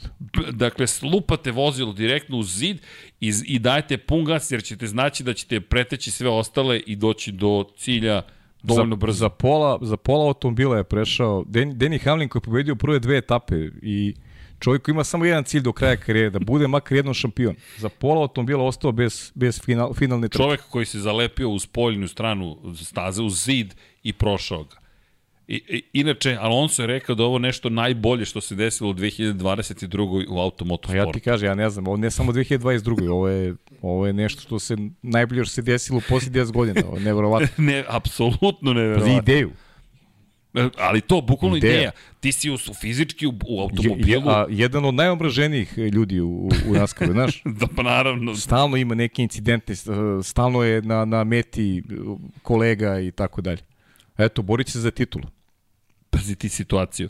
Me, Sjajno. gledam to i razmišljam, inače naš dragi kolega Aleksandar Đankić koji je bio toliko oduševljen momentom da je ušetao u kabinu dok, tokom prenosa Formule 1 i rekao pogledajte poslednji krug NASCAR-a. I mi ga gledamo, dobro videli smo toliko poslednjih krugova, znaš šta je to toliko Jeste. neverovatno da te natera da uđeš u kabinu i u sred prenosa, iako znaš da u tom momentu mi moramo da ugasimo mikrofone, skinemo slušalice, kažeš pogledajte poslednji krug NASCAR. On je bio omađen. Ja mislim nešto mu se desilo, čim, nam se obraća. Da, da, bukvalno je tako izgledao potpuno šokirano i, i pogledamo i kažemo ok, sad znamo zašto je došao Junkie Baby, jer je bilo potpuno šokantno i ne znam, svaka čast. Dakle, apsolutno svaka čast da. za ovo što je uradio. A dotaći ćemo se na kraju još malo da, da, toga, da. Ali samo bih povezao sa Ricardom, koji je inače dok je preticao Pjera Gasly, na primjer, dakle, izlazi na startno ciljni pravac i ovako pokazuje kao revolverom ti si sledeći. Pa makar na trenutak da se zabavi Daniel Ricardo. Dakle, puno detalja u Mexico pa, City koje Daniel nešto, Daniel videli. pričao, pričao je o budućnosti kao da zna nešto što, što mi ne znamo. Definitivno, on je očigledno fokusiran tu 2024. Koja vrata se njemu otvaraju, ja stvarno ne znam šta tu možda se dogodi, dogodi dobro za njega nakon, nakon pauze koja je gotovo neminovna. Mi i dalje nemamo potvrdu ko će biti drugi vozač Hasa naredne godine, Ali, ali, ali ovaj, ovo što uradio je stvarno sjajno i podsjeća na Ricarda iz onih najboljih, najboljih izdanja i to je, lepo ga je videti prosto ovako žednog borbi i pomogao je McLaren da se ponovo vrati u neku priču za, za, za tu borbu za četvrto mesto. Sedmi, to je... Bio sedmi, najbolji od ostatka sveta. Pa mislim, pobedio je Landa Norris, ajde, ajde jednom da pobedi on Landa Norris. I Okona i sve ostale, ali pazi sad, ima dve stvari. Zašto mislim da će biti rezervni vozač Mercedesa? Prva stvar, Prva stvar je koja je došla posle. Stoffel Van Dorn. Znate gde je otišao Stoffel? Otišao Aston Martin. Zajedno sa Filipom Drugovićem biće rezervni vozač i probni vozač ekipa Aston Martina. Dakle, nemamo više ni Nika De Vrisa u Mercedesu, ni Stoffela Van Dorne u Mercedesu.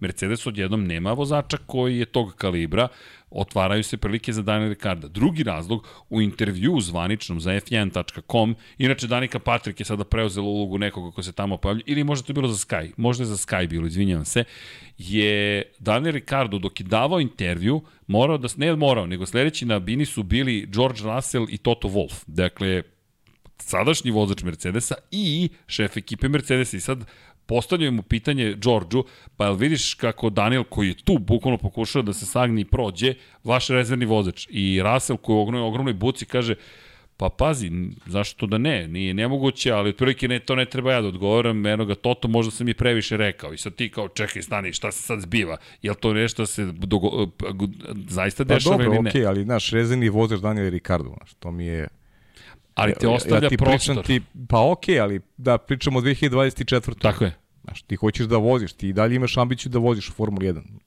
Znaš, rezeni vozač. Ali znaš na šta mene to podsjeća sada? Imamo ekipe Mercedesa, trenutno, koje su Mercedes kao glavni tim, McLaren kao tim de facto, moje mišljenje, makar broj 2. Imamo Aston Martin i imamo Williams. To je osam sedišta gde imamo Mercedesove korisnike. McLaren Zaboravim McLaren. To je zatvoren. Pa mislim, McLaren je, McLaren Mercedes je pa zatvoren ne, ali nema tu, nema tu uticaje Mercedesa na ne, ne, samo, te vrste na McLaren. Samo, ako misliš da tražiš tu posao za Daniela Ricciarda. Tražim posao gde? Kod Aston Martina i kod, kod Aston Williamsa. Martina kod Williamsa može, a McLaren ne. Ne, nisam tražio, da, da. nego samo, samo nabrajam. Mercedes, Mercedes, Hamilton, Williams, Russell. Aston Martin to može, ali McLaren ne. Ali pazi, čak i ovde male su šanse. Russell će ostati, uh, Lewis Hamilton teži da potpiše višegodišnji ugovor, to je to. McLaren, to je završeno, zatvorena su vrata i dođeš do Aston Martina i do Williamsa. Sad Aston Martin, hoće to biti bitka. Van Dorn, Drugović i, i Ricardo, znaš, hm, teško. Williams, Nisam siguran, ako, stvarno, nas, ja... ako ode s Porscheom, e, kažem ti, ne znam gde će ići, gde ide ta budućnost. Pa to mogu da mu se otvori, ali znaš gde je 2026?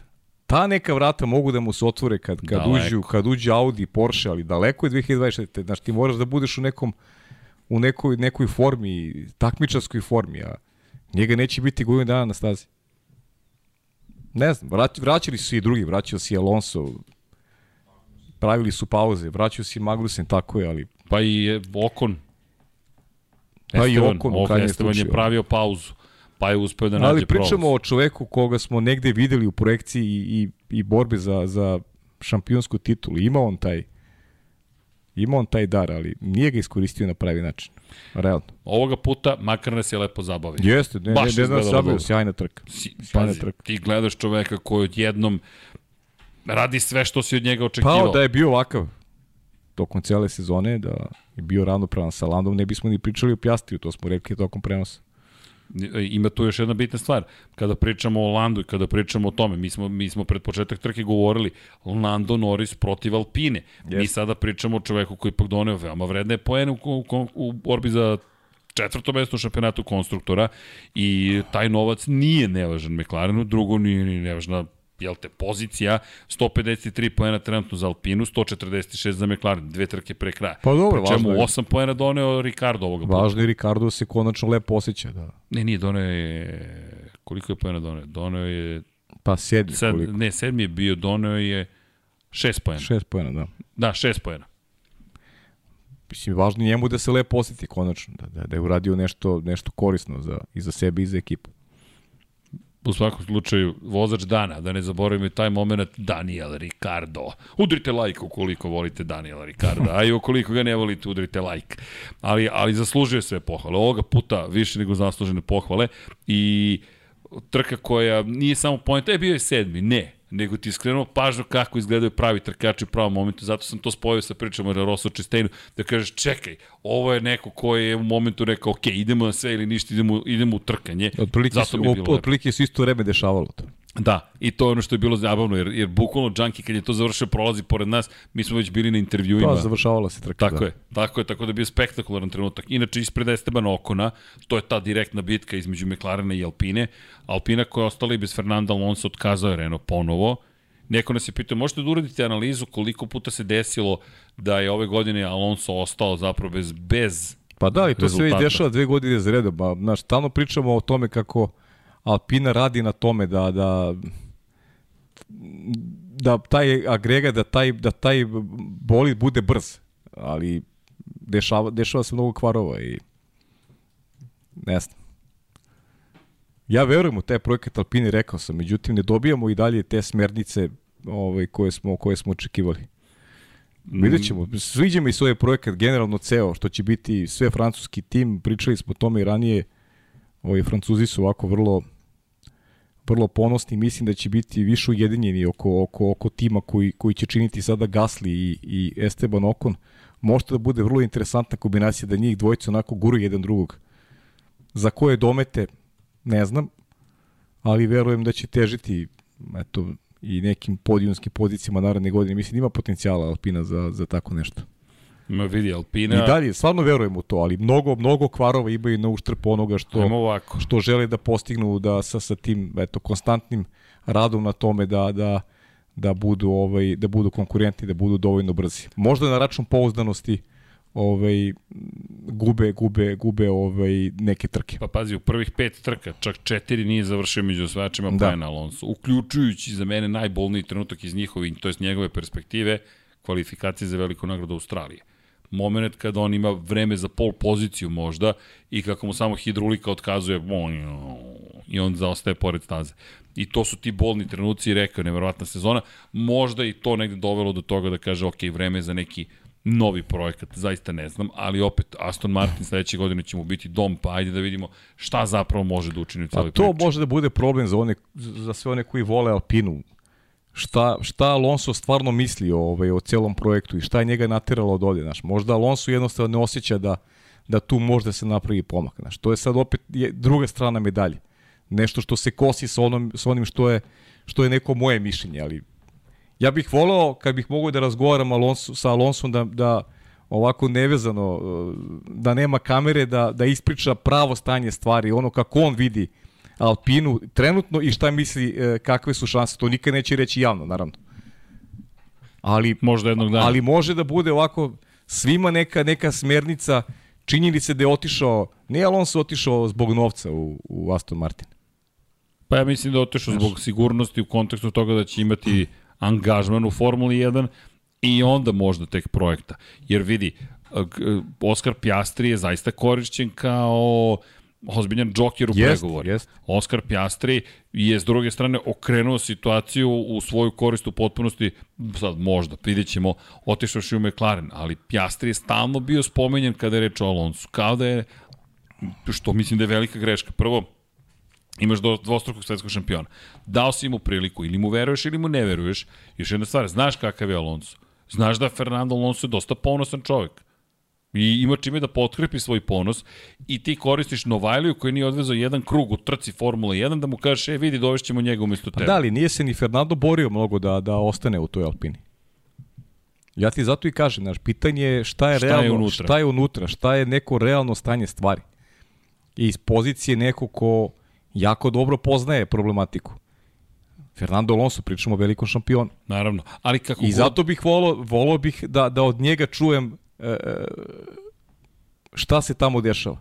Koliko su te neke, ja, ja znaš i sam da smo pričali još od momenta kada, kada se ovaj, kada je negde Renault počeo da pravi, e, da pravi priču, da, da, da sam negde u taj projekat zaista čvrsto verujem, ali, ali, Ali to se- nema, ali- nema pravih, ali znaš, nema tih oz, ozbiljnijih smernica uh, u nekom pravcu. To hoću ti kažem, jesi išta promenilo Pa nije, nije, nije. Kao da smo na istom je- mestu kao Pa smo da, bili sa Cyrilom rezult- Abitobulom. Rezultati su isti. I- Identično, nisu se pomerili. Doveli su sad Otmara Schaffnauera, doveli su Davida Brivija, otpustili su Prosta, otpustili su Abitobula, Loran Rossi je preuzeo upravljanje Otišao celom grupacijom. Ricardo, otišao Alonso. Otišao Alonso, otišao Ricardo, promenio si se iz Renaulta u Alpinu, a rezultati isti. Ne, ne vidim nikakav suštinski pomak, Da, kao da. Ferrari, samo što su u problemu što nemaju čak ni pobede.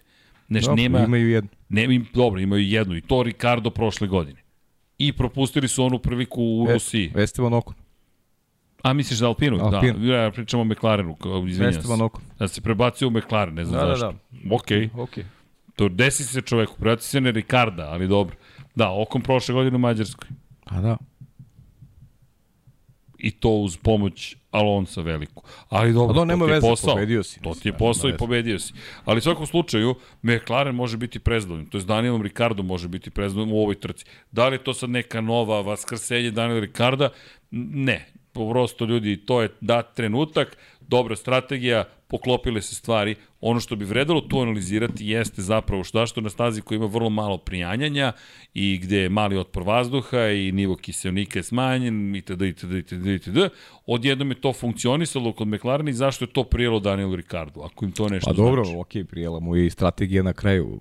Meke gume, dobra je strategija bila. I tu je McLaren dobra posao. Kakva je strategija bila, izvini Srki, za, za, za kolegu? Ja mislim da su identičnu strategiju imali Norris i on. Ali nisam 100% siguran. Dakle, Vrati na strategiju, Ricardo imao meke gume u finiš trke. Norris imao tvrde gume. I to ozbiljnu ti je prednost. To. Da, to je to. Strategija. Pogrešili sa strategijom. Norris da je imao isto ko zna Pa kako to bi se je, to je ona priča, to ti je Russell Hamilton, to je to ono pre, neprepoznavanje momenta kod McLaren, Mercedes kada su trebali Russellu da, da da mu omoguće trku na mekim gumama. Ne ovih završnih dva kruga kada je imao najbrži krug trke, nego ranije u ranije Dobro, fazi. to je da. Nije dodatni poen i najbrži krug, ali to, to smo i očekivali Mislim, to da je pravilo uraditi. razliku na strani Ricardo u finišu i zato su ti krugovi bili spektakularni brzi, 10 sekundi prednosti i tako dalje. Ali, okej, znaš, pomogneš svom vozaču sa dobrom strategijom, a onda on neki svoj kvalitet eh, koji ima isporuči na stazi kroz Pa čak adekvatnu i trku. protiv Cunode, izvini, izgledao dobro. Da, napravi veliku grešku, Yuki Pa pa, okej, Tsunoda to ne dobro. pomaže, ali, ali činjenica je da se odjednom našao u situaciji da da može da nas podsjeti malo na starog Ricarda. No, vratili bi sad opet na Ricarda. Idemo Prošli- dalje, prošli, svakako, smo i, svakako. prošli smo i kroz Ali me Alpinu. oduševio prosto. Jeste. Lando Norris inače bio deveti i poslednji poen za prvi put od Kanade među osvačima poena. Tu je saksija i za vas, ali ovoga puta nećemo govoriti da je bio i Kibana, nije. Bio je više nego angažovan Valtteri Bottas. Pa, Valtteri, pomogao Svaka je, pomogao je meni na fantaziju. Da, e da, fa, u fantaziji nisam pripremio. Hvala Valtteri. I jao, jesi zadovoljan rezultatom? Pa, Valtterijem da, ali Ali, ovo ostalo onako, manje više. čekaj, čekaj, moram da uključim, ali to ćemo posle da analiziramo. Ali To pazi, pohvale za Valterija.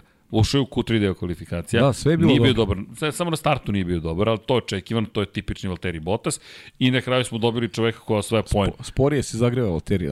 Tako je, ali vidi, u momentu Da kada je to preko dosegne radnu potrebno. temperaturu, prođe 20 krugova. Pa dobro, prošlo je dosta trka. Znaš kada je bila Kanada? Mi smo imali Britaniju, Austriju, Francusku, Mađarsku, Belgiju, Holandiju, Italiju, Singapur, Japan, Ameriku, od kada smo bili Dobro, tamo. Meksiko drži, 11 drži i trka dalje, drži i dalje to šesto mesto, okej.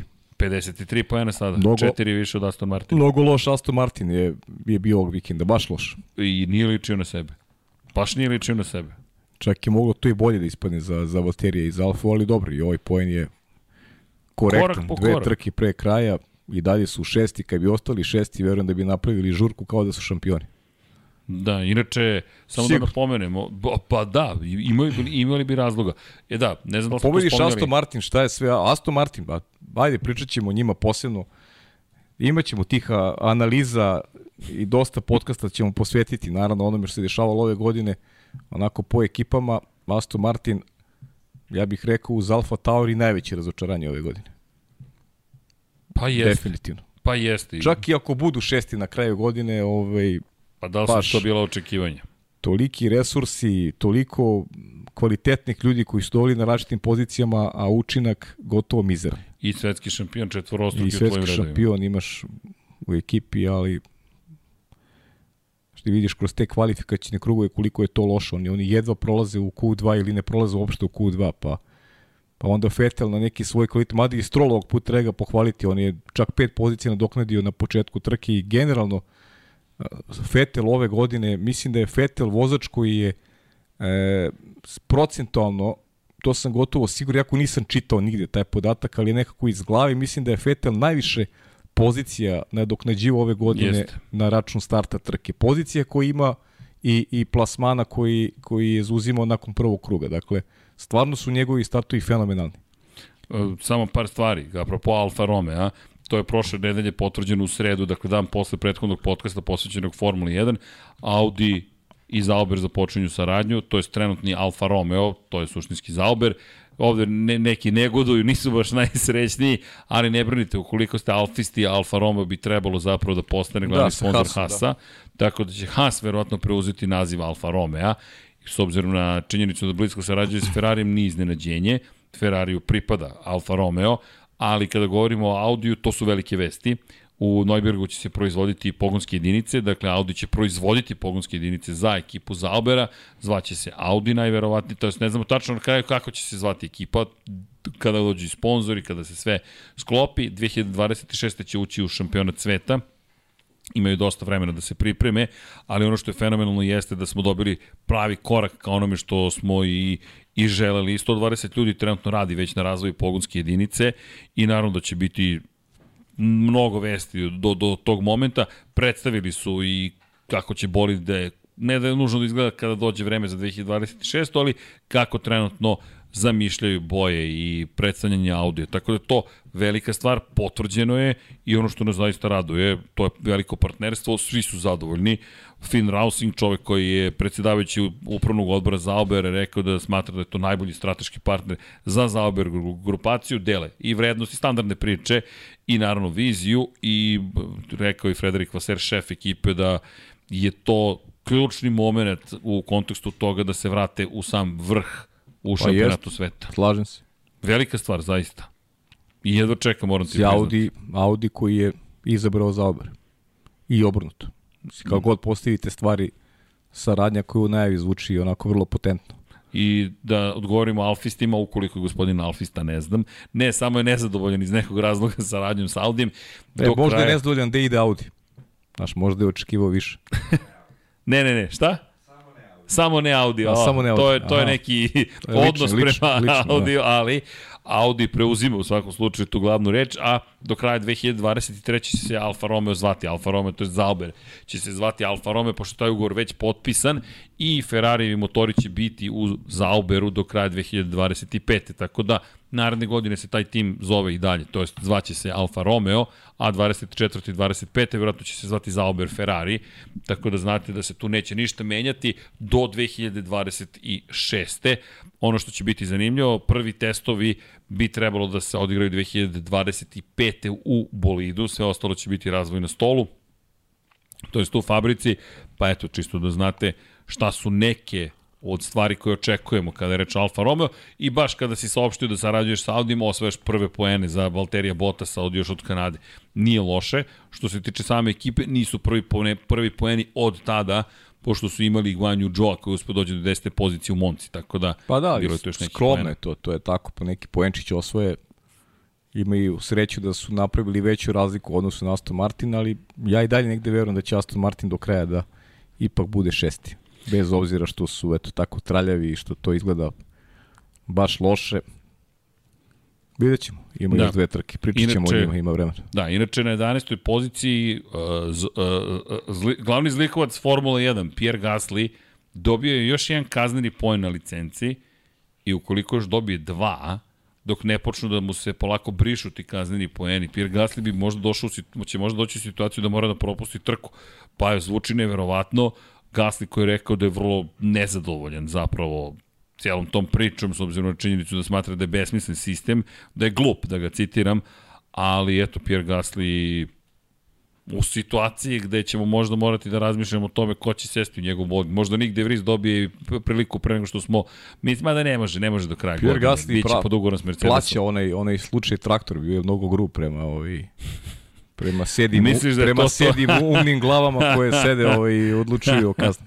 Da, je moguće. A, čekaj da Zoran Cimeša, pozdrav, pa, inače čovjek donirao 100 kruna, jer izvinjam se, propustio sam, da li je realno 15 i 16, sad ne znam šta je 15 i 16 realno. Zorane, može ponovo pitanje, nismo shvatili. Kako? Pobede. A, 15 Pa da li je realno 16. 5 i 16? Oj, kad je to bilo? Da li je realno? Hvala, devojke, ja sam malo, ta, ali ima pametnih ovde u, Pa u studiju. realno, realno je. Da li je realno? Sve, sve drugo je nerealno. Apsolutno je ljudi. realno. Sve drugo je nerealno. Apsolutno je realno, Zorane, tako da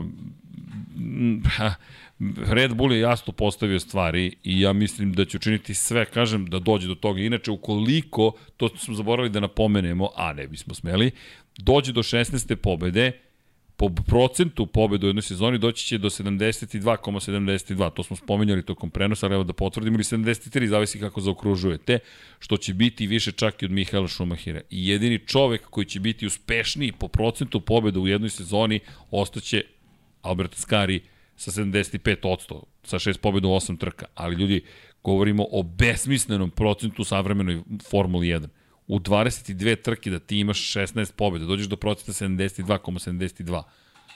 Zastrašujući i ja mislim da će to da se desi, iskreno. I eto, jedino ukoliko ponovo Mercedes ne bude bio dobar na visokoj nadmorskoj visini u Brazilu i Lewis Hamilton raspoložen kao prošle godine. Bukvalno. Inače, Bojan Gitarić nam je poslao super stiker od 500 dinara. Hvala. I Boki MP, 50 hrvatskih kuna. Veliki pozdrav ekipi Infinity, ovo je moj mali doprinos za sve što radite. Hvala ljudi. Hvala puno. Hvala. Izvinite što nisam video, ali evo sad vodim računa i o ovome, bez brige. Malo sam ranije upalio nego prošle. I hvala devojke, što me spašavate. Baš sam zabagovao. Šta, 15. i 16. E, kad je to bilo? To je bilo pre sat i po. Da. To je bilo 2015. i 16. kada smo krenuli.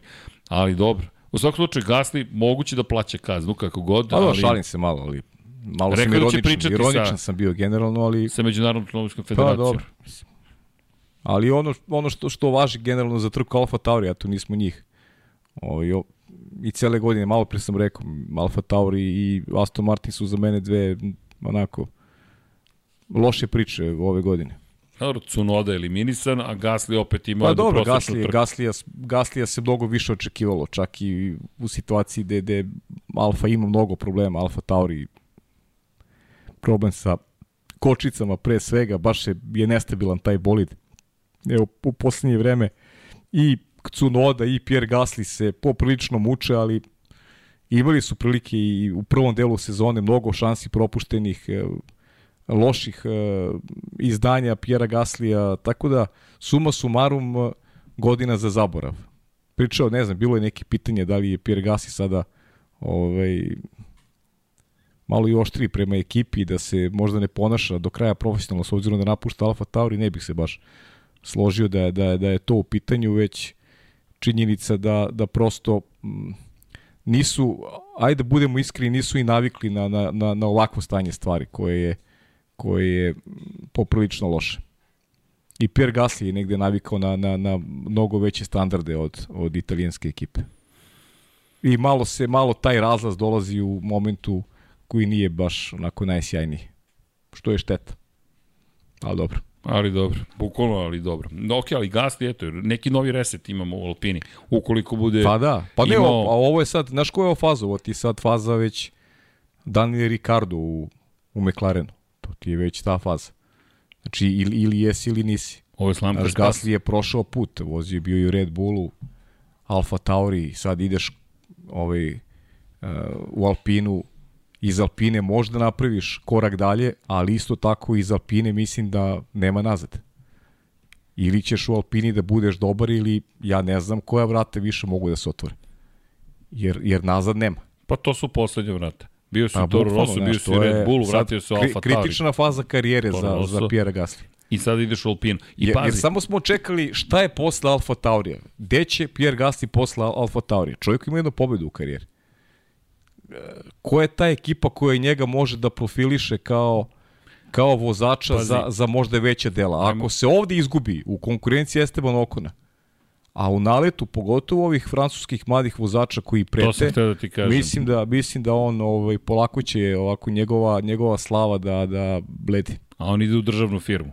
Ide u Renault. Pa, bukvalno, to je državna, da. Bukvalno, ljudi, to je državna firma.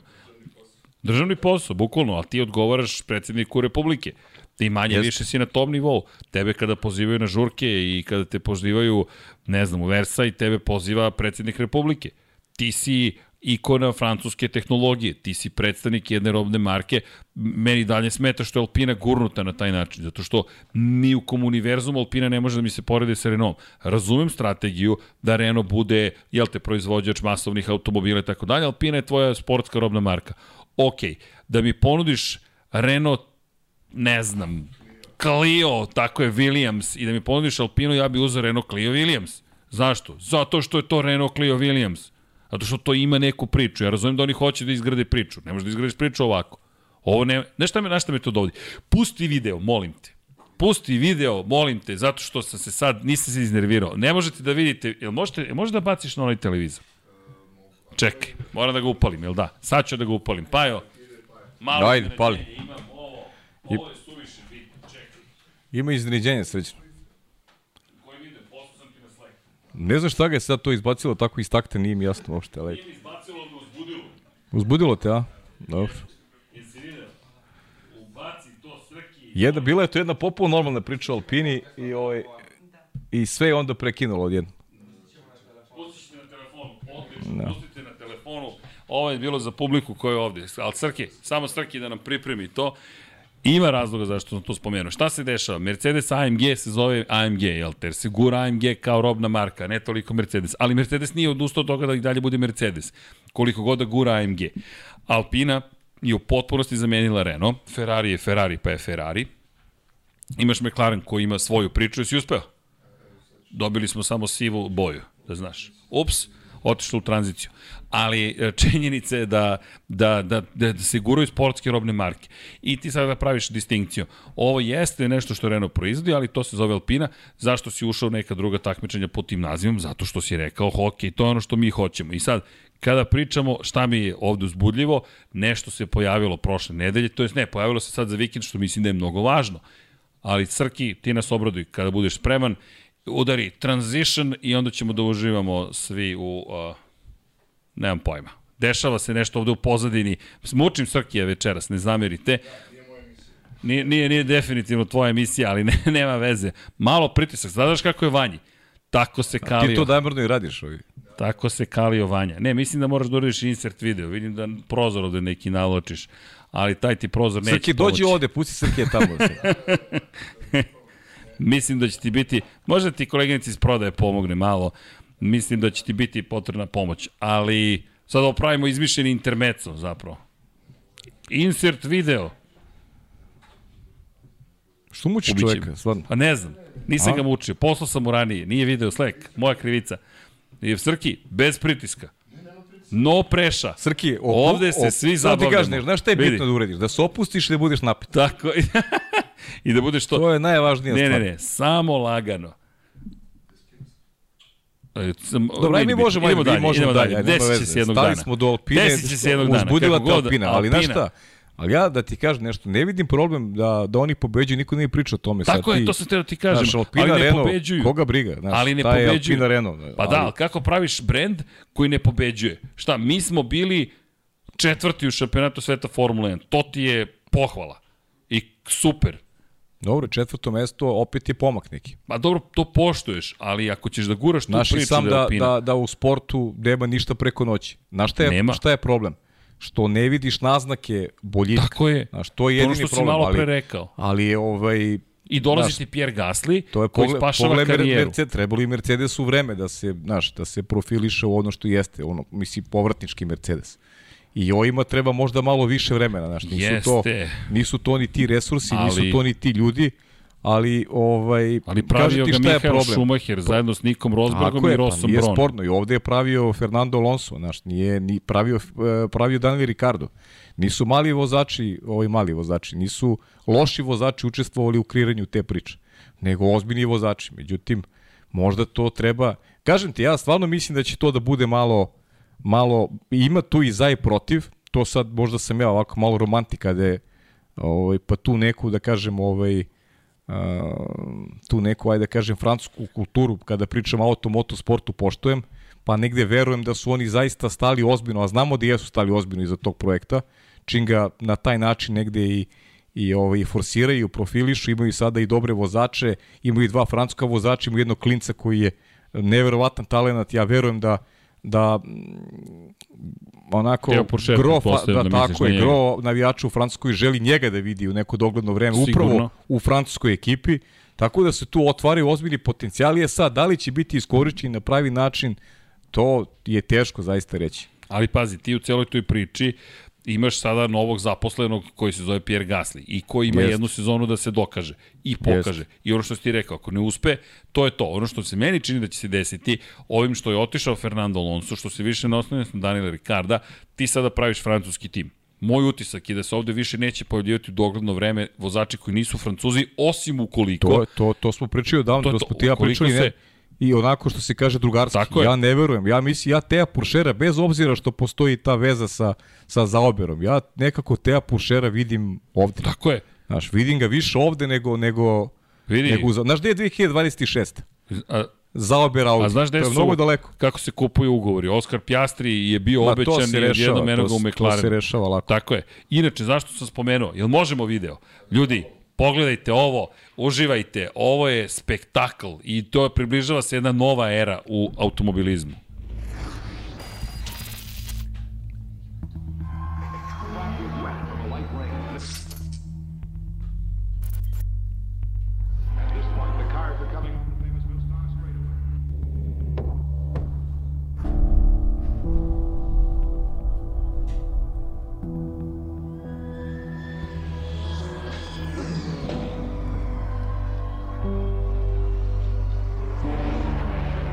Cars are Ferraris.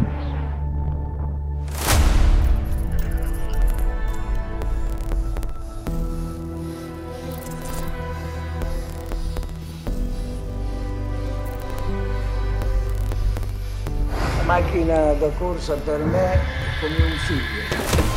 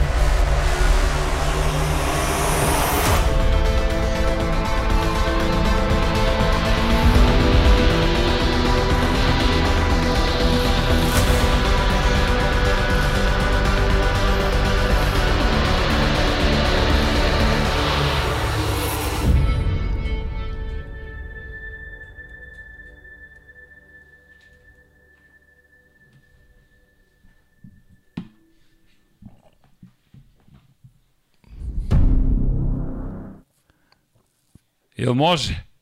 Jel može Ferrari 499P?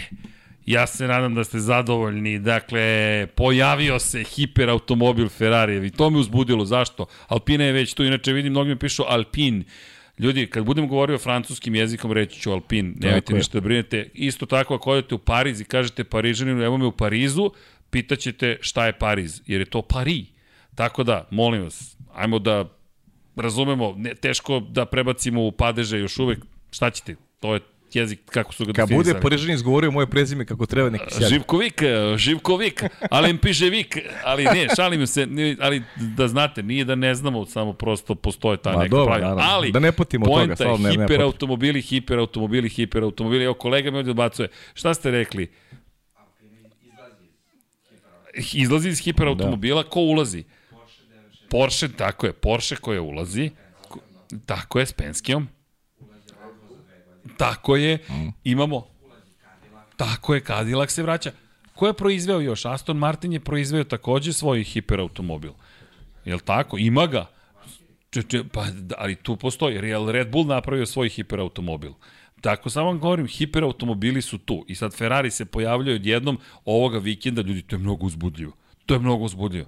Na 24 časa Lemana, ljudi kad se pojave, znate kako će da izgleda ta trka. Evo, trljamo svi ručice ovde i jedva čekamo to. Za, to je taj hiperautomobil. Ali eto. E, da, E, to, je, to je taman za jubilej. Mislim, Lemana. Da, evo, i da, da odgovorim i za Verstappen, Verstappen. Po transkripciji srpskog jezika može i F, može i V. Šta ćete? Znam da, da, da zvuči zabavno, ali šta da radite? Srpski jezik to tako definisao. I Van Gogh nije Van Gogh, on je Van Gogh. Ali šta da radite? Ni Geteborg nije Geteborg, nego Jetebor je, pa šta da radite? Ljudi, ja, ja, ja to stalno pričam, zato što je to stvarno ovako jedna jedna tema ovaj, neiscrpna. A ja sam ovaj digao ruke od te teme na, na olimpijskim igrama kad sam čuo kako kolege izgovaraju prezimena ovaj, srpskih sportista. Bilo to- koga sa ovih prostora, to da ljudi, nemoguće Pritom, misija i sve uopšte, okej. pritom uopšte ih ne zanima kako to izgovaraju. E, samo nas zanima da li ćemo da kažemo ovaj, uh, ne znam, po tome ono, parijski naglasak. Pošto je on rođen u Parizu, od njega moramo da akcentujemo parijskim naglaskom. Pa stvarno, ljudi, ajde da Ovaj, Ni, ajde ni, ni, malo, ajde znaš malo više bilo? da poštujemo Zna- sebe, ljudi. Znaš šta je Mislim, najsreća? pre svega, Pa da. ljudi, imate neka ta pravila lingvistike, slobodno po, po, pogledajte gde se prilagođava, prilagođava jeziku govornika. Prosto, ja zaista ne čekam iko da kaže srđan. Ubiše se. Evo čak i naš kolega Juri iz Estonije, srđan, srđan, kažemo, pusti se, zove me Sergej, Ma, meni da, je sve, zove me kako god hoćeš. I ukazao si mi dovoljno poštovanja što pokušavaš. Meni, ja nemam taj problem. Pre čemu ljudi nemaju ni slovo Đ, ne mogu ni da napišu moje ime. Sve je okej. Ali, da se mi vratimo na suštinu, kako god da je zovete, Alpin, Alpina, lepo izgleda, super je, ali što kaže Paja, nema pobede. Ajmo da vidimo i Pierre Gasly da li može da pomogne. S druge strane, da li može tu nešto pozitivno da se desi i za jedne i za druge, ali ono što je meni bilo uzbudljivo je ovaj 499P. Prosto vidjeti Ferrari, možda bi Noto zato otišao, ali šalno na stranu, ljudi, od ovog automobila mnogo toga zavisi, zato što je ovo stvar koja se nije desilo dosta dugo. Da Ferrari na ovaj način kaže, ej, idemo na, na neko, neko takmičenje koje je mnogo, mnogo, mnogo važno. I ne samo to, cela ta hiperautomobil kategorija i ta otvorenost koja postoji, meni je mnogo uzbudljivo. Tako da eto, korak po korak, ali sam morao da ubacim jer ovo je priča pre svega o brzini i o, ne samo o Formuli 1. Formula 1 priorit, pre, pre svega, ali uzbuđenje koje to donosi. Tako da, eto, morao sam to da iskoristim, pa setio sam se to i onda me Alpini, Alpina probudila, jer mi je bilo, gledali smo i njih ove godine konačno kako se Šta takmiče. mu, šta uradi čoveku Alpina? To je nevjerovatno. A, Ali, nećeš- ali da se vratimo na to. To je Renault. Renault je Formula Pa, 1, dobro, ali dobro, idemo dalje. Nova vremena. Svakako Gasly ima ozbiljan zadatak pred sobom, ali eto, postade bad boy, Pierre Gasly ni kriv ni dužan, ima Da, 10 dobro, to je Bio i Cunoda prošle godine. Da, bi, pa zanimljivo vidiš ovi iz Alfa Taurija. Jel to znači Nick De Vries je sledeći koji Pa će to nam biti? tako nešto obeležiš nekog. Obično to budu ti momci iz neke srednje zone. Da, u svakom slučaju, eto, neke nove stvari se dešavaju. To što je, to što je ovim uh, zvezdama dozvoljeno, njima nije i Znaš, mora, to je ono što se To rekao, pravi se bilo. priča uvek tako, uvek je, uvek je tako. Pa, naravno. U svakom E, sportu nije samo Inače, Formula 1. apropo ovih svih novih stvari koje se dešava, ulazak Audija i takve stvari, Valtteri Bottas je rekao da već sada treba Audi da počne da podržava Zauber, jer im treba pomoć. Delo je da im je potrebna pomoć, pošto Zauber može da izdrži samo prvu polovinu sezone, kako sada stvari stoje. To je Alfa Romeo. To je makar utisak koji se stiče na osnovu ove sezone. Pa dobro, znaš šta, i pritom, ajde, sad smo već zakoračili u tu, da nazovi novu eru. Mislim da će i teže biti sledeće godine Alfi da, i da započne dobro novu sezonu. Pa, e, sad, to je zanimljivo. A, Sad, taj ali... pogled na 2023. možda bude interesantan, jer mislim da će malo drugačiji odnos snaga biti s početka godine. Da, da će ipak ove ekipe koje su, ajde da kažem, uticajnije i ove, koje možda nisu pročitala pravila igre na pravi način ovaj, za 2023. biti, biti ovaj, malo uspešnije. Ne, ne očekujem da će Aston Martin voditi bitku sa Alfa Romeo sledeće godine, iskreno ti kažem. Mislim da će Aston Martin u tom pogledu biti bolji od, od Alfe. Ali znaš gde bih ja rekao da I, mi... I ja razumem idemo. brigu, ja razumem brigu uh, Valterija Bottasa za, za period koji dolazi do 2026. Ja razumem njegovu brigu. E, ali vidi, ima tu i pro i kontra. E, šta je meni pro za timove koji eto ulaze u drugu, treću sezonu. Možda ne drugu, možda će druga biti čak najteža, da, da će ovo biti najteža koja dolazi 2023. Ali ako pogledaš stabilnost pravilnika, obično dovede do toga da ti imaš na kraju dosta neizvesnosti u borbi za te srednje pozicije. E sad, to Pa da, okej, okay, ali, ali opet za te srednje pozicije, opet pre vidim sledeće godine Aston Martin da će biti tu tim bitka na srednje pozicije nego što će biti slučaj sa Alfa Romeo. Je li ih vidiš da idu do McLarena i Alpine ili Ne ne? vidim ih, da ne vidim ih da idu do McLaren. Nego to je bitka Ali- za šestu poziciju. Pa da, to je mislim negde realno. To, taj, njegov, taj, taj njihov ovaj plasman šesto mesto. Ko zna, možda, Nažalost, mislim da si u pravu, ali... možda, možda mogu da izvuku nešto više, ali sa, sa Fernandom, ali Pa ne, pogledaj samo Haas koliko je bio loš sa stabilnim pravilnikom. Nije mogao da osvoji ni jedan poen. Haas ove godine ima više poena nego u prethodne tri godine zajedno. A da, pa i pričali smo šta je tu razlika Fetel Alonso. Fetel je u svojoj glavi već uz dobre trke koje ima, on je u svojoj glavi već otišao. A Fernando Alonso je i dalje I tu. čovek posvećen trkanju. Apsolutno posvećen trkanju. Ne, šta smo još videli u Meksiku, da to ne zaboravimo? A to su testiranja guma za sledeću godinu. Pa dobro, Da. to smo, imali smo podcast smo, od sat i po. jeste, imali smo još jednu stvar, a to su neki novi vozači. Logan Sargent koji nastavlja da skuplja poene za super licencu. Da, dobro, Logan Sargent će da, Da. nastavi, biće, Logan Sargent će voziti, čini mi se, i u, i u Brazilu, I u Abu Dhabiju. i u Abu Dhabiju i vozit će trku Formule 2 u Abu Dhabiju, da bi i mislim da će Da imati bi dovoljno bodova da, Tako je. na super licencu. Šta smo još videli? Bilo nešto novo? Pa, ima nešto, izvini, Ne, ne, ne, nego, nego od vozača, da li se pojavilo nešto novo, sam mi stao mozak koji još bio u... Da li se pojavio neki novi momak u Teo treninzima? Porcher je bio Theo ove dve nedelje. Imali smo priliku da vidimo, koga smo videli u Nick De Vries je ponovo vozio Nigde za je bio Mercedes. ponovo, tako je. Pozdravio se s ekipom Mercedesa i to je bilo lepo što su ga nekako ispratili tim testom. Na kraju u prvom treningu je odradio, ajde usno rečeno kažeš, svoj deo posla. To je zaista bilo Da. lepo videti. Mislim da, da, da, nije, to je to u principu. Ali meni nekako Logan Sargent tu najveća tema. I još jedna stvar, povodom guma za sledeću godinu. Vozači su počeli da upozoravaju da smatraju da će biti veoma opasno naredne godine kada se u potpunosti ukinu grejači guma. Videli smo već ove godine koliko je zahtevno kada izađeš na gumama koje se zapravo od ove godine zagrevaju do 70 stepeni Celzijusa, do prethodnih godina je bilo do 100 i sada e, sledeće godine će biti 50 stepeni Celzijusa i mislim da se potom ako se dobro svećamo ukidaju, ali sledeće godine sigurno idemo na 50 stepeni Celzijusa i kada pogledamo šta se dešavalo, upravo ovaj test im negde dozvolio da vide kako će se ponašati gume kada dođe do toga da je na 50 stepeni Celzijusa i komentar je bio uopšte nisam uživao u ovome. Konkretno Max Verstappen je rekao da će to biti zahtevno. Rekao je da, se, da je u malo samo što se nije ukrenuo na izlasku iz pit lane-a. Tako da su počeli već da skreću pažnju na to, pogotovo kada je reč o najtvrđoj gumi koja se tog vikenda koristi. Čisto da negde zabeležimo sebi kao fus notu šta je rečeno tokom Pa ovih dobro, i testiranja. videli smo, bilo je mnogo, mnogo je bilo ovaj, nepreciznosti u, u vožnji, koje je posledica sigurno i učenja eto, tih pneumatika. Vidjet ćemo kako će sve izgledati. Da, ali zanimljivo je bilo, zato što je rekao par stvari.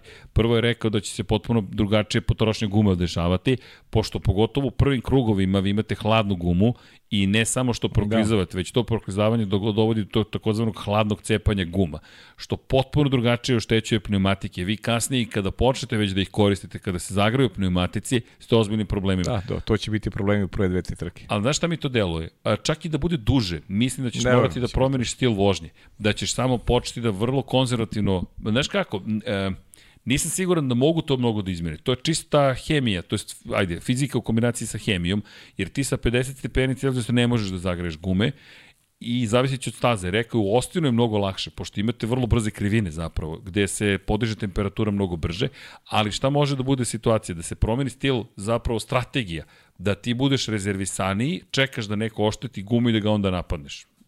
Ili će se do, doći do toga da su svi izjednačeni. Mada, možda je to prilika kao Chastain. Oštetiš gume, Malo više drame, prvih ali par krugova da ideš dalje. opet, znaš i sam da je uvijek tako sa tom pričom o gumama. držim palčeve da će ipak biti neki Ma, vreme da. i rekao je da će te, pritisak u gumama biti problematičan kada počneš da ih voziš pošto je vrlo pošto će rasti toliko visoko da će baš imati dosta problema. Ajde, vidjet ćemo šta, šta je plan za sledeću godinu, ali negde da zapišemo nešto. U, zabeležimo u glavu i kažemo, ok, testiranja, šta su nam rekla? Imam čudonosio da ćemo se vratiti ipak na ovu temu, makar u prvih par trka, ali mislim da, Pa ne, pa u prvih par trka hoćemo sigurno što je nešto novo. ali mislim Bavit da, ćemo se time. Pa dobro, vidjet ćemo. da će to biti neka zanimljiva, tu pasni neka zanimljiva strategija.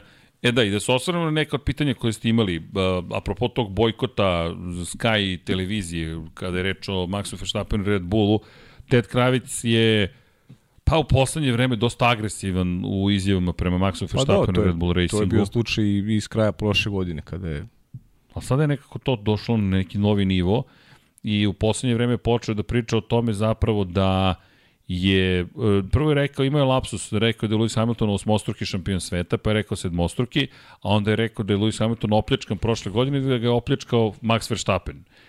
I Pa da, pa to, mislim, za jednog ozbiljnog novinara ne možeš sebi da dozvoliš takav, može, može to da bude tvoj kafanski stav. Zove se pa ne, može, stav. da, može to Ok. pričaš okolo i da, znaš, Da to bude tvoj stav. Ali... I pritom može da bude to, može da bude tvoj stav i da govoriš to, ali da budeš da biraš reči malo, da kažeš da je za tebe ne znam, završena završeno na kao što je pravilniku. Pa kao što i za sve britanske medije Lewis Hamilton osmostruki šampion. Svi britanski mediji njima je Lewis Hamilton osmostruki šampion, ali ne možeš kad si agresivan prema nekome da očekuješ da on ima povratnu informaciju i da će sedne sa tobom i da razgovara. I zato sam, zato sam i rekao, ako je neko bezobziran i ako ne bira reči o komunikaciji, pa nemoj da mu, da mu daješ na značaju i nemoj s njim da razgovaraš. Ja zato podržavam apsolutno stav i Maxa Verstappen i Red Bulla i ja sa dotičnim ne bih razgovarao nikada. Da, da koristi takve, takav rečnik i da mi se tako obraća. Ne bi mu ništa odgovorio, ali ne bi s njim uopšte razgovarao. Tako da ja stvarno podržavam, ovaj, podržavam taj, taj odnos koji je Red Bull i Max Verstappen koji su zauzeli prema dotičnom. Pa da, moraš da biraš reči, jer ti imaš ogroman utjecaj na kreiranje javnog mnjenja. To je ono čemu smo pričali. Ti kreneš sa time i onda to dobija neki svoj život. A ti se ponašaš A pa, ha, ha, ha, ja sam rekao šta drugi misle. Pa imali Ti smo ti, ja pričali smo prošle nedelje malo o medijima. Meni dosta i mi smo malo, stav. malo smo i kritični prema celoj slik, sliki, sliki, slici koja se pravi i okruženju i šta ljudi čitaju, kakve informacije se serviraju, eh, na osnovu čega donose zaključke, eh, u kom pravcu, šta dobije omladina kao neki reper ponašanja i tako dalje. Znači imamo mnogo toga da kažemo na račun naših kolega. Ja sam rekao x puta, nekad sam, zaista sam, ovaj, osjećam se, um, osjećam se loše što uh, se neki nazivaju novinarima. Razumeš? Baš se osjećam loše zbog toga. Jer sam u istom košu sa, sa ljudima koji, koji su sramota za profesiju. E pa tako, tak, sa takvima, apsolutno podržam ljude koji se prema takvima ponašaju ovaj, ponašaju u skladu, neću s tobom da razgovaram. I to treba da bude neki odnos. Ako nisi pristojan, ako, ako ovaj, uh, nemaš ovaj pravi odnos prema svom poslu, a samim tim prema ljudima koji tebe negde prate, čitaju, pa onda nemoj da očekuješ da, da će ljudi ovaj imati prema tebi adekvatnu reakciju. Pa žao mi je, zato što Ted Kravic je poznat kao neko ima zaista puno informacija i, i često je bio čovek koji zaista saznaje stvari koje drugi ne, ne, ne prenose da bi se svelo na žutu štampu, jer ovo je nivo žute štampe, Pa da. koji ja mislim da njemu pre svega ne priliči, jer ti sad odjednom dolaziš u situaciju da razmišljaš šta će sledeći Kravic da nam kaže skandalozno. Ok, onda si se sveo na TikTok skandal koji će trajati neko vreme dok ne postaneš potpuno irelevantan, jer šta sad treba da čekam tvoju sledeću skandaloznu izjavu. Ne, hvala. Nisi tako stekao reputaciju, nego tako što TED Notes, jedna od najvažnijih stvari koje ste mogli da slušate, čovjek igra, ide kroz padok i prikuplja informacije.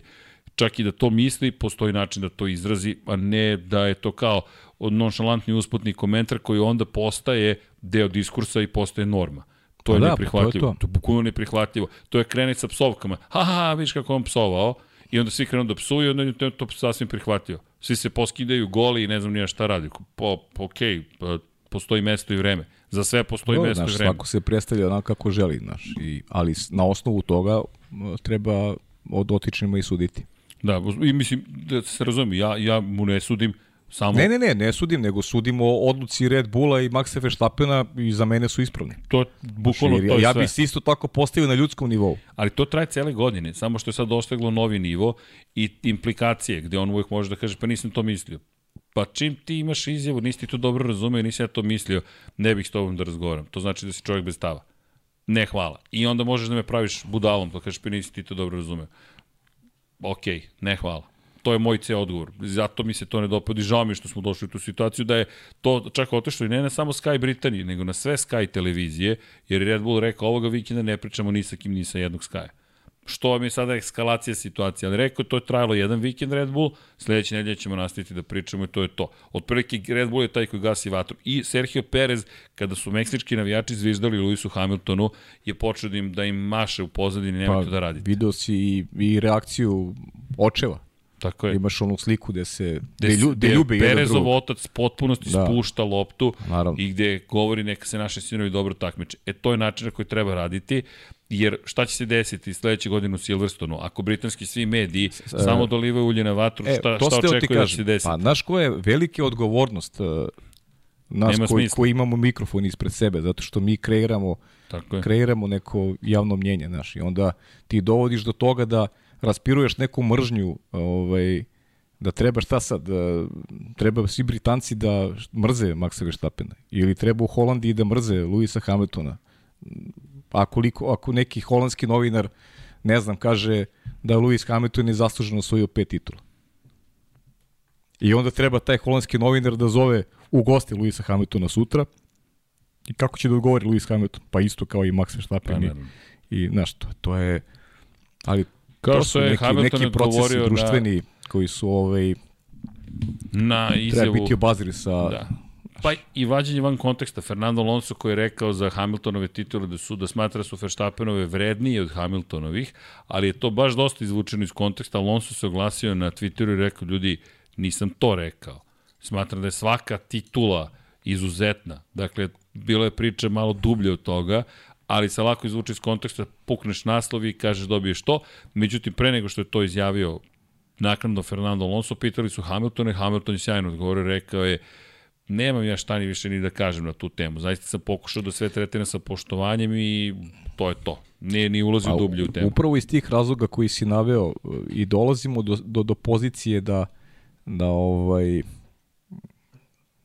do te mržnje, znaš, da, da Što je potpuno suludo, mediji znaju, mediji znaju da predstave nekog, u, da ga onako ocrne i da ovaj, na osnovu toga ljudi donose, znaš, sad mi pričamo, uh, kako možemo da pričamo o, o Luisu Hamiltonu, Maxu Verstappenu privatno kad ih, kad ih i ne poznajemo, ne znamo šta oni žive, kako Ne žive, to je, to je njihova stvar. Zamisli sad, da mi, znaš, neko mi, koliko pitanja sam dobio poruka, ali ne znam, Luis je ovo, Max je ono, ljudi, pa ja stvarno sa njima ovaj, ne provodim vreme privatno i mogu sudimo njima kao, kao ljudima, kao osobama. Ne znam, ne družim se sa njima. Možemo da sudimo a, na osnovu onoga što oni pokazuju na stazi, kakvi su sportisti, a, kako nama izgledaju te njihove bitke, e, njihove reakcije tokom trka. To je nešto o čemu mi dajemo sud. A kakvi su oni privatno? Pa to znaju samo njihovi najbliži. Mi nemamo pojma kakvi su oni privatno i to je to je u krajnjem slučaju samo njihova stvar mi gledamo isključivo kao sportisti. I to je to. I tu bih stao. Jednostavno, ljudi, mazite se i pazite se i budite dobri jedni prema drugim. Uživajte u dobrom trkanju, imate šta da gledate. I Formula 1, i MotoGP, i 24 časa Lemana, i svetski šampionat u Superbajku. Gledajte NASCAR, gledajte trke izdržljivosti, gledajte IndyCar, ne znam, gledajte. Nije, nije, nije bitno gde ćete da gledate, uživajte u trkanju. Nama dvojici u trkanju uzbudljivo zato što u njemu vidimo mnogo toga što možemo da, da, da, da, pre svega vidimo uzbuđenje, vidimo zabavu, vidimo neverovatnu tehnologiju, vidimo i ljude koji su ogoljeni u potpunosti, koji ne mogu se sakriti od pritiska, ne mogu da se sakriju od toga da u, u momentu kada nešto urade mogu da budu i dobri i manje dobri. To je ono što Deki piše u crveno i crno. Kada tražite savršenog čoveka, nije Lewis Hamilton savršen, nije Paja Živković savršen, ja Ma, nisam ne, savršen, savršen, nije Max Verstappen savršen, niko od nas nije savršen, svako od nas ima trenutak slabosti. Kod njih trenuci slabosti su prikazani milionskom auditorijumu. Ali nemojte misliti da i kod njih savršeni ljudi grešili su ono što je pojenta da li neko ima nameru ili nema nameru i da li je razmišljao o tome šta je učinio da bi bio bolji ne, danas i, nego i što je bio pritom juče. nisu oni ti koji prave tenzije. Oni to rade na stazi. Kada se završi trka, vi od njih Ej, uglavnom nemate te loše komentare. Vi loše komentare dobijate od šefova timova, dobijate to od, od ovakvih novinara kao što je Ted Kravic koji ovaj, skreće pažnju na sebe i sa, Bukvalno sa, sebe sa ne, pa evo skreće pažnju na sebe. centar pažnje. Skreće pažnju na sebe i onda kad dobije po ušima, onda se onda je onda je Neko drugi ajmo, kriv. tako je, onda ajmo da da širimo priču kako neko neće pričati. Pa neće jeste. priča da su da imaju stvari. da imaju neku oni sad spuštaju loptu. Ja na njihovom mestu ne bi nikad pričao s njim. Ja bih ga otpisao ono forever, ne postojiš više.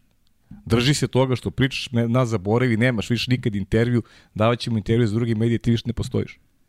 Izbrisan Ili tvojim kolegama, tebi ne, kako god. Tako je, tvojim kolegama, ti si zaboravljen. Ali Ti traži intervju na neke, na neka druga mesta i to je to. ima tu, ima tu, ma, tu zapravo, priča Pazi, je jednostavna, kritika, ali uvek, je je, mnogo uvek duboka. kritika je okej uvek. Ali, znaš, kad nema ukusa, kada, kada si ovaj, u toj kritici Znaš- obojen, obojen tako da vređaš nekog, to, Znaš to koja onda- mi je scena u glavi? Ti i ja smo komentarisali, pošto ti imamo priliku, uvek se trudimo da uđemo ranije nekako u prenos e, trke. Zašto? Da biste videli upravo to kako se pripremaju. Pred početak ove trke smejali smo se, Alex Albon stoji bukvalno pokraj zida, tu je Lance Stroll i njih dvojica časkaju, tu je, mis- mislim da je bio Daniel Ricardo i ti ja komentarišemo, po, ti si prokomentarisao, pogledaj ih, molim te. Dakle, časkaju, ha, Da, ha, ha, hi, hi, da. hi. Sedam da, baš, minuta baš Albon i, Albon i, i, I Stroll. I, i Stroll, da. 7 minuta kasnije oni će biti u bolidima 350 na sat ići niz pravac i hteti jednog drugog da pobede. Da, izgledali su kao viceve da pričaju jedan drugom. Bukvalno kada viceve i Maksimalno opušten. Kad se stavi kaciga, spusti vizir, kraj. To je neki drugi svet. E, tu kreće neka druga priča, ali razmišljati o tome, ne, neću da pričam sa tobom. Da, da li će biti tenzije između Hamiltona i Verstappena? Pa naravno, Sigurno, ali ljudi... naravno da postoji Što, tenzija. o čemu pričamo? To ovaj čovjek juri rekorde, Hamilton juri osmu titulu da postane ne najbolji, nego da prevaziđe sve što iko ikada A- ali, postigao. znaš, to ti je, znaš, A koji, ti stoji na koji putu. ti efekat stavljaš tim izjavama, znaš, ti, taj čovjek, uh, on stavlja efekat takav da, da sad jedna strana uh, brani Luisa Hamiltona, a druga napada Maxa Ali Verstappena. već si dobio strane. A pritom, a, eto, Već to ti dobio kažem, a strane. pritom, a njih dvojica nemaju veze sa tim. Ne, mogu ja nešto da Znaš, kažem. oni, oni su potpuno, on, oni Meni- nisu u toj priči uopšte, meni nego naj- ti praviš priču takvu E. da pravi, da, da, da, da se neki, i onda dobijamo kao epilog uh, zvižduke Maksu kad ode ovaj, u Britaniju, dobijamo, Tako je. aj zvižduke, ok, to je sportski motivisano, ali, ali dobijaš neku mržnju koja je, Nepotrebno. koja je potpuno nepotrebna. Suprotno baš. suštini sporta. Potpuno nepotrebno. E, ima tu par stvari. Prva stvar, sajam knjiga. Staju navijači Ferrarija, Mercedesa, Red Bulla. Niko se ni sa kim nije posvađao. Svi pričaju ljubazno o tome šta očekuju, šta žele, šta vide, čemu se nadaju, šta sanjaju i tako dalje. Čak i kad su nezadovoljni, ne, ne, ne, ne, ne, ne, neću njega, ali nema ružnih uvredljivih reči, nema netrpeljivosti. Svi smo deo jedne ekipe koja voli automotosport. Druga stvar, 29. novembra to je utorak, se okupljamo ukoliko želite u Dogmi, postavit ćemo i na društvene mreže mapu i gde se šta nalazi, kako i tako dalje, tako dalje. Dakle, bit će otvoren studio, da ga tako nazovemo. I sad, treća stvar, apropo toga, ne znam ko je predložio, ćemo da stavimo 100 za Ferrari, znači 100 za ove 100 i dolazi Pajak, kaže nećemo. Nema podela. Kaže ne, nećemo, nema podela. Nećemo ovde da se delimo po stolovima, jer kaže da nije dovoljno podela. Sad treba na nivou mesne zajednice, a onda i ulaza. U ulazu Ne, mi smo za mi smo za. Ne. Pa ne, nas- Svi smo deo Lab 76. Nas je naučila ovde, za malo da mi izleti neka reč, da se stalno delimo nešto, znaš, da...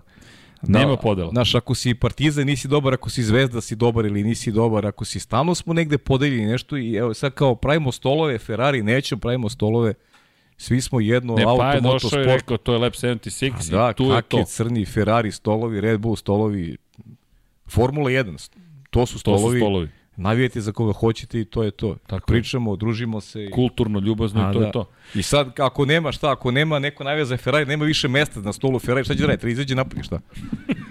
A? Ne može duđi jer nema više, nema više stolice Ferrari. Šta će radimo s njima? E, nema šta? stolice uopšte, Kao izvini, kao sve su pune Ferrari stolice i izađe napolje. Znaš. Ili počne navijaš za Red Bull da bi mogo sediš. Znaš. A ako tražite 100, Sebastian Vettel, znamo jednu osobu koja će biti glavna za taj 100. E, mnogo ljudi je pitalo Sebastijana Vettela da će biti knjiga, ljudi, ako bude neka knjiga, ako bude Pa autorizao da. biografiju, verujte to, Ma ja verujem da hoće. ne zbog nas, koleginica iz prodaje će postati koleginica iz nabavke. Dakle, ima A ne, da koleginica, iz- ne, koleginica iz prodaje će postati pisac. Ups, otkrili smo informacije. da, ali činjenice da, da se radujemo tome. I bit će još knjiga, ljudi. Kojom brzinom, kojim tempom, biće. Biće knjiga iz Waterpola. Evo Biće ga autor. sigurno, da, to je manje više da je već i gotovo, ali Tako je. ajde, polako o tom potom, ima tu još mnogo tehničkih detalja, tako, Tako da. je. Ali to će da bude nešto lepo, zaista. I izložba 1. 7. decembar posvećena Valentinu Rosiju, galerija štab u galeriji, Biće i izložba posvećena i Formuli 1, već je bila jedna posvećena Formuli 1, sad ide posvećena Moto Grand Prix, to je konkretno Valentinu Rosiju.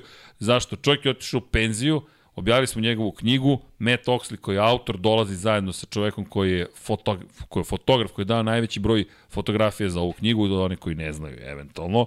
Valentino Rossi, sve njegove trke, dakle, bukvalno imate sve njegove trke iz svetskog šampionata, čak i pre toga iz šampionata Evrope, bukvalno svaka trka je opisana, imate i mo, more fotografija i izložba će govoriti zapravo o njegovoj karijeri kroz svetsko prvenstvo, ima i nekih fotki koje su da, iz perioda pre. Ja bih samo još dodao ovo za, za dogmu što si rekao i pričamo o podelama Partizan Zvezda, to na našem lokalnom nivou, a delimo se i, i ovako po ovom regi, regionalnom, tako da To svi nas nema. Svi ste dobrodošli iz regiona, kogod ima priliku da dođe u dogmu, ljubitelji Formule 1 i Tako je. oni koji, koji vole ovo, dobrodošli, čekamo vas raširenih ruku, ruku tako da, E, da, to je to je priča. informacije za, za Interliber Zagreb, pošto smo dobili uslovno rečeno poziv da, da se pojavimo. Ljudi, nažalost, ka, nismo, nismo se na vreme prijavili ka, kao izlagači. Eventualno, ukoliko se pojavimo, možda kao nekome gosti, ali knjige teško da ćemo moći da, da izvezemo zapravo u Republiku Hrvatsku, pa ih onda uvezemo nazad, to je sad već priča, priča za sebe, ali ukoliko bude prilike da se pojavimo na, na, na, na, na, sajmu, rado, bi, rado ćemo doći, samo što je veliko pitanje da li to možemo da izvedemo u kratkom periodu. Pa mislim, Ali- ako, ako je nemoguća misija, To ostavit znači da je to moguće za, za sledeću godinu. Da, ali ćemo, to za neku drugu ali priliku. ćemo smisliti šta ćemo da, da radimo, pošto mi smo zaista da, da se prošetamo kroz region, da, da posetimo što više mesta Pa, i ljudi, da. jer to je neka naša želja, da, da prosto Pa ljudi, sve koji vole e- ovaj eto sport vam, eto vam, ispoštujemo. eto vam sada a, dobre teme za razmišljanje. Tačnije, možete da nam ponudite pomoć. Na koji način to da izvedemo? Eto. Da, e, nemamo, Znači, sve, ljudi iz, nemamo sve ideje, ali da, iz Hrvatske, iz ćemo da- Bosne i Hercegovine, iz Crne Gore, Makedonije, Crne Makedonije, Gore. gde god da Ove, ljudi, Slovenije. predlažite, pre, predložite nam slobodno, javljajte se na koji način to da izvedemo, jer smo voljni zaista da, da mi vas posjetimo. Tako da, Da. Još ne znamo šta to sve znači, ali bez brige. Ko to zna kako će da se završi? Na kraju ćemo da uzmemo Volkswagen jedan, onaj starinski i lagano. Može. kom- kombi neki što kaže Srki. Kombi, kombi. Kombajn. Ima da idemo, da se prošetamo. Ali ljudi, stvarno, gde budemo mogli da stignemo, eto, potrudit ćemo se. E, inače, Formula 2 i Formula 3 su objavile kalendar za sledeću sezonu, tako da, Da. Da imamo i te informacije, kreću u Sahiru kada je, Sahiru kada je reč o Sahir zapravo u Formuli 2, završavaju u Abu Dhabiju kao što se dalo očekivati. Neverovatno, ali istinito, sledeće godine će biti još veća pauza između trke predposlednje i poslednje. Izgleda, stvarno misle da je to, da je da je to, to dobro spektakl, nešto. da, da. Pazi ovako, 3. septembra je poslednja trka Monca i onda 26. novembra Abu Dhabi. Pa taman. Dakle, još jednu nedelju su Još dodali ako na budu celu odlučivalo priču. o tituli, ta posljednja. Idealno.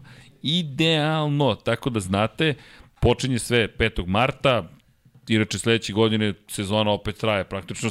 Pa, a, a, zimska pauza. Šta to beše zimska pauza? E da, apropo teme o zimskoj pauzi, gde ekipe počinju da razmišljaju o tome, pošto je toliko teška sezona, ove godine smo imali 22 trke, to jest imat ćemo ih, sledeće godine imamo 24 trke, čisto da se podsjetimo, počinjemo početkom marta, završavamo krajem novembra i kako bi ljudi izdržali, ekipe razmišljaju o tome da uvedu obavezni, obaveznu pauzu tokom zime. Dakle, bukvalno, kao što imamo obaveznu pauzu od dve nedelje u avgustu tokom leta, razmišljaju da uvedu pauzu od dve nedelje tokom zime. Da bi ljudi izdržali, jer ljudi ovo postaje neodrživo. 24 trkačka vikenda, to mi je pola kalendarske godine. I, I to nije samo pojaviš se u petak, subotu, nedelju. Ne, ne, ti u sredu već moraš da si na stazi. Da pripremiš garažu, moram da, nadam se da ćemo jednog dana snimiti kako izgleda pravljenje garaže, to možemo da uradimo u Moto Grand Prix. Da vidite koliko je vremena i ljudi potrebno da napravite garažu. Inače, znate kako to izgleda? Ka, pa kao na sajmu, dobiješ parcelu ovako i prazan brisan prostor, gradi i onda kreće da se gradi. Paravan jedan, paravan drugi, paravan treći, četvrti, peti, ono što dobijete su struja i voda i onda to spajate. I onda sve ostalo gradite. A pošto pogotovo kod timova Formula 1 sve mora da izgleda kao da iz Hollywooda izašlo, ljudi, to su vrlo ozbiljne izgradnje koje moraju timovi da sprovedu u delo. To rade opet ljudi koji će sutra da istrče i menjaju gume na bolidima. Nije im dovoljan pritisak, šta? A kad su u Evropi, kad završe sa time, idu u kamion da voze te iste kamione po Evropi. I onda koja ekipa će da, da, da, da pobedi? Ona koja preživi, bukvalno. Tako da se razmišlja, bukvalno, nažalost, da se uveze obavezna pauza i da na taj način pokušaju da spreče da ljudi izgore, bukvalno. Burnout, čuveni da se ne desi. Čisto da znate da se eto i o tome razmišlja. Što opet dovodi do toga pitanja kada ćeš da radiš. Zapravo, Moramo i mi da razmišljamo o tom. Bukvalno. Hm? Pa, kako ćemo pa? Ćemo mi da isto razmišljamo. Pa dobro, mi smo, ove, ove godine smo imali čak i pauzu s podcastima, prvi put da smo napravili pauzu. Neku pauzu, ne znam, dve nedelje, ili tako beš? Da, jeste, da ne, pravili smo da ne pauzu. Ne, nije to zato što ne želimo da ljudi u jednom momentu više mozak izgori, jednostavno po, o, o, tolika količina informacija, stvari koje treba uraditi, baš bude onako, zahtevno. Ja mora reset malo. Radosno, ali zahtevno. I tako. Pa je sam nešto zaboravio. Zaboravio si kako smo prošli na fantaziju. Fantazi. Da. Kako? Filip Jenić, znam da smo nešto zaboravili. Filip Jenić. Da. Filip nam je imao promenljiv uspeh, hajde da ga tako nazovemo, na, na motorsport igrama. Prva stvar, ljudi, zapratite Filipa Jenića na Instagramu, na Facebooku, TikToku, ne znam gde je sve prisutan, zašto. Što vas više ima koji pratite Filipa Jenića, M sponzori, M budući timovi, imaju više razloga, koliko god to možda zvučalo banalno, nije. Društvene mreže su sada postale jedna vrsta billboarda za vozače, gde ću rado da budem izložen svim sponzorstvima koje će podržati Filipovu karijeru, ali što vas je više koji pratite Filipa, ne samo Filipa, bilo kog vozača, bilo gde na svetu, ali ja pogotovo sam, jel te, subjektivan pre vozačima, vozačicama sa ovih prostora, neko to u svetu gleda i kaže, ha, vidi, prati ga 100.000 ljudi, prati ga 200.000, nemam pojma, što više, to bolje, to povećava šanse. Uopšte se ne šalim, dakle, to su ozbiljne stvari, jer onda Filip po- pošalje neki izveštaj iz društvenih mreža, social media report, koliki je bio reach, koliko je bilo engagement, bla, bla, bla i tako dalje, to radi. I onda mi sad hakujemo globalni sistem, kao što ste se bunili Međunarodnoj automobilskoj federaciji za sve ono što se dešavalo u Japanu, na primjer, pa je reagovala pa promenila neke stvari. Ni vi ste takođe deo globalne populacije. Možda nas je manje, ali možemo da budemo glasni. Tako da prvo zapratite Filipa Jenića, to mu je potrebno. Druga stvar, vozio je, imao je peh, nažalost. Imao je baš veliki peh. Nije se najbolje završilo. Da, izbrčen se staza. Izbačen sa staze i svi smo ovde bili pretužni. Sport klub je inače prenosio trke, tako da, ajde da pohvalim ceo sport klub. Dakle, ne mi, ljudi, da mi sad kažemo, mi, mi odlučujemo, mi smo to završili. Ne, sport klub je taj koji je na kraju kao televizija cijela stao iza nečega, iza nekoga što se zove san nečiji i iza čoveka koji se zove Filip Jenić. I to je prelepo bilo. Nažalost, izbačen sa staze, u drugoj trci došao do 12. pozicije sa 24. Evo i ovde, ovako, skida se kapa, skidamo kapu, zaista Pa da. i izvrsno je vozio Filip. Da li smo mi izmišljamo neku pozitivnu priču, spin, šta pravimo? Ne. To se dešava u trkanju, u jednoj trci, ko zna šta može da se desi, ali preteći 12 takmičara je samo pokazatelj šta Pa Filip može može. da se vidi jasno izbačen, izbačen dečko sa staze. Jeste. Potpuno onako našao se u pogrešno vreme na pogrešnom Na mestu. pogrešnom Eto, mestu, bukvalno. I dešava se često auto, moto trkanju i šta da radimo. To je to. Pa ništa, bukvalno to ti deo neke priče. Idemo dalje. I bukvalno, nema šta, nema šta drugo. Mi nastavljamo, podržavamo Filipa, nadamo se da će nam biti uskoro ponovo u studiju, ali ima dve stvari koje su obaveze. Prvo je karijera, drugo je škola. Tako da, i još jednom da, da napomenem. Ne, ne može više ove kasne sate ga dovodimo, moramo Da, da, da, da, da, ali ljudi, zaista školujte se bilo je, bilo je par priče oko školovanja, ja apelujem na sve vas da diplomirate, da ne budete kao Pavle i ja, zaista, znam da ponekad to, znate te čune priče, Imate primer kakvi ne treba budete. Tako je. Evo, sedimo za stolom. bukvalno, ali čak i ako želite da idete ovim putem u smislu karijere, diplomirajte. Zaista diplomirajte. Šta god da ste započeli, diplomirajte. Cela priča o Steve Jobs filozofiji, zato što nije završio koleđ pa je uspeo, nema to veze sa životom. Dakle, to je samo priča da ako ne diplomirate, bit ću Steve Jobs. Ok. Ali imam ja drugi predlog. To aj ti diplomiraj pa budi Steve Jobs. Može i tako. Jedno ne isključuje drugo. Bukvalno.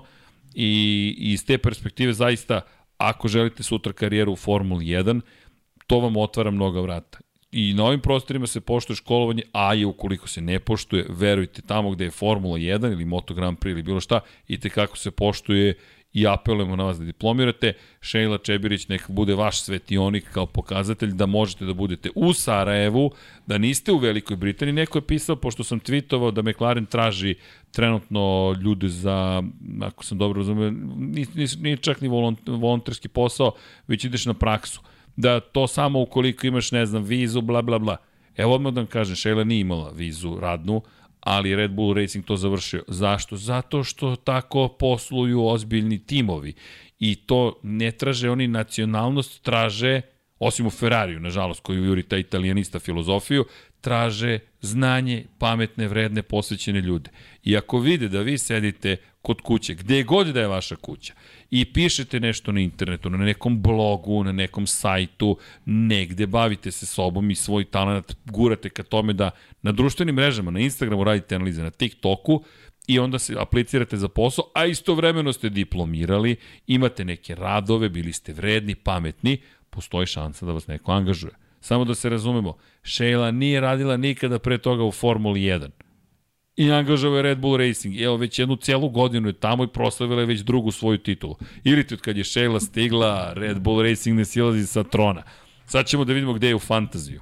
Da vidimo da li ona Ajde, čuva taman. svoj tron. Da. Ali šta hoću da kažem, Da li Sheila mi svoj tron? mi je dala odobrenje da je spominjem kao inspirativnu priču, zato što je tu istinita priča. Nemojte niko da vam kaže, znaš kada ćeš se zaposliti? E, taj što vam kaže, vi mu recite, evo sutra ću se zaposliti. Nemojte ništa da mu kažete, nije ni bitan. Poenta jeste da se vi bavite sobom, a topla preporuka da diplomirate. I sada, Prancing Horse drži poziciju broj 1. 4178 poena, ali nema mega drivera. Master Blan ili ti Sheila, pozicija broj 2, 4134 poena, ima mega drivera. Kaiser F1 Mihajlo i 4122 poena ima mega drivera. Uuu, ovo delo je Master Blan, Kaiser, Jure Prensing, Horsa, Luka koji predstavlja Hrvatsku, Šejla predstavlja Bosnu i Hercegovinu i Mihajlo Srbiju. Dramatično. Inače, Brusničke munje, 4113 poena, ali iskorišćen Mega Driver, tako da malo teže će ići. DRS, ne, nema DRS, znaš, nema, ali bez DRS-a, e, pa da vidimo. Inače, u Kilenđi je čovek koji se potpisao iz Srbije. Ninja Ratnici 1, Stefan Pej iz Bosne i Hercegovine, 4060 poena, ali ima mega drivera. ISTP, Nenad M iz Srbije, 6. 4036 poena, nema mega drivera. Zatim Weekend Warriors 3, Praneš, naš prijatelj iz Indije, 4031 poen, ima mega drivera. Mačak from Čačak iz Srbije, Miloš P, ima mega drivera, 4017 poena. Team Supernova, Aleksej K iz Srbije, ima mega drivera 4015 poena i Majkelele 1, Saša T, Mega Driver 3983 poena i tako dalje i tako dalje. Mislim da će ovo biti dramatično finale sezone. Dobro, pratit ćemo da vidimo naš mali interni ovde duel, da vidimo gde je koleginica iz prodaje. 171. Aplauz. Bravo. A, to sakrivena devojka ovde iza vrata. Samo mudro gleda, ćuti i pobeđuje. Demolira konkurenciju. Ćuti i upija. Ćuti samo i radi. Njen mega driver, ne, njen turbo driver, e, Carlos Sainz 60 poenčića, ima Verstappena Pereza, Cunoda minus 6, Magnussen 1, Ferrari 38, 170 poena ovoga vikenda. Pa Dobro. nije loše. Nije loše, makar čuju loše. Čekaj da vidimo ovi vodeći šta su uradili ovog vikenda. Prancing Horse 193, da vidim Shailu, 214 bez Mega Drive. Šta si radila Šela, aman. Verstappen, Perez za Sainz, turbo vozač. Što mi zvuči poznato. Ali Mercedes kao, opa, Mercedes kao konstruktor. O, Šela, iskusno. Ovo, da ovo, opa. ovo možda nisi smeo da kažeš. No, možda, ups, u, uh, Nemoj da- nemoj ups, da prevede neko. Ups, Britney, Alonso i Magnussen, 3-1 poen. Aj, joj, Alonso otkazao. Puf, Alonso tu, da imamo Mihajla, ajmo vodeću trojicu, troje, zapravo, Meksiko 192 poena. Norris, Verstappen, turbo vozač Sainz. Šta je ovo? Svi imaju turbo vozač Sainza, man. To izgleda po dogovoru. Da izgleda, Cunoda minus 4,77 Red Bull Alonso. Dobro, zanimljive su strategije. Čekaj da vidim brusničku munju, šta, to je munje. Ili ima neko da mu turbo vozač, turbo vozač Sainz? Ne, tražim prvu osobu koji turbo vozač nije Sainz. E, Doćiš do mene. Verovatno. Evo ga, Norris, turbo vozač. Zato što ti se Ratnica. ekipu, a ja sam bio taj koji je zagovarao Sainca kao, kao Čekaj, ovaj čekaj da ti radim. Čekaj, Pajo, Pavle Ž. Pavle Z. Paja Ž. 1080 si. O, Pao sam, znači, ispod 1000 mesta. Čekaj, 121 poen. Au, mršavo. Mršao baš. Mršavo. Turbo, vo, turbo vozač Norris, 18 poena. Perez i Leclerc. Pa Leclerc te, Pa svi su. Leclerc 18 poena. Gasly 12, Bottas 7. 38 Ferrari. Dobro. Loše. gde nam je Dejan? Dejan Potkonjak. Do, držimo se ovoj zlatne sredine. 2650 je. I bolji su, 2370 su. Ček da vidim šta je on radio u Meksiku. Ja, Verstappen, Perez, Leclerc, turbo vozač Gasly, Magnussen 1 poen i Alfa Romeo 3 poenčića. Dobro. Da vidimo ovo moje čudo, šta se 149 poena. Verstappen, znaš ko mi je turbo vozač? Sainz, naravno.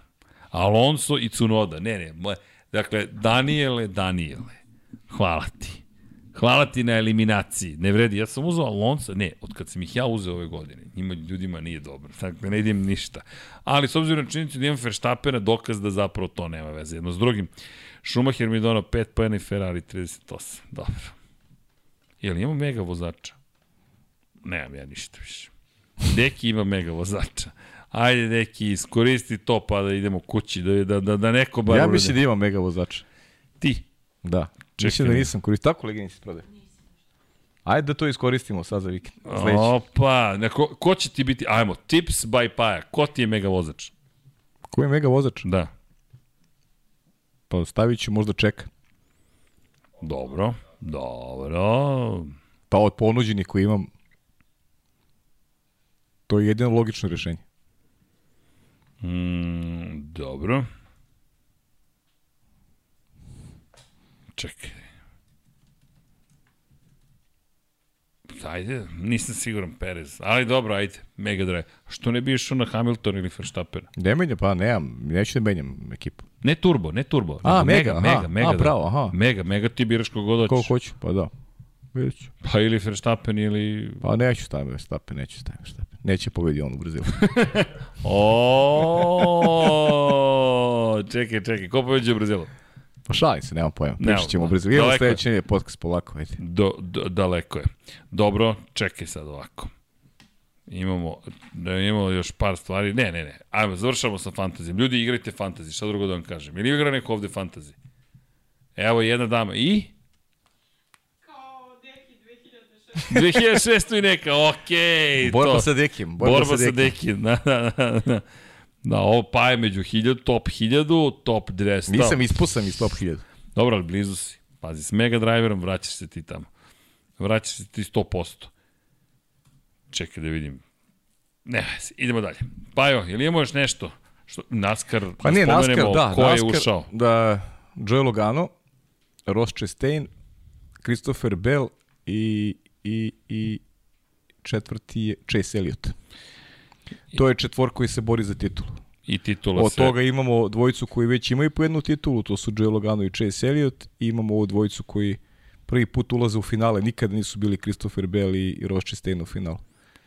Najveća senzacija je Ross Chastain, jer, jer mu je trebao, najkraći put je prošao od toga da je vozio debitansku trku u Daytoni i to jako dobro bio među tri, on je generalno neko ko se pojavio, uh, on je inače iz tog kraja a, Sjedinih država i bio je među tri najbolje u Daytoni i mislim da je to period od pre recimo tri godine kada se Ross pojavi. Eto, za tri godine stigo je do velikog finala. Što je stvarno super rezultat. Christopher Bell, jedini predstavnik ekipe Joe Gibbs Racing tima, Da, evo, gledam.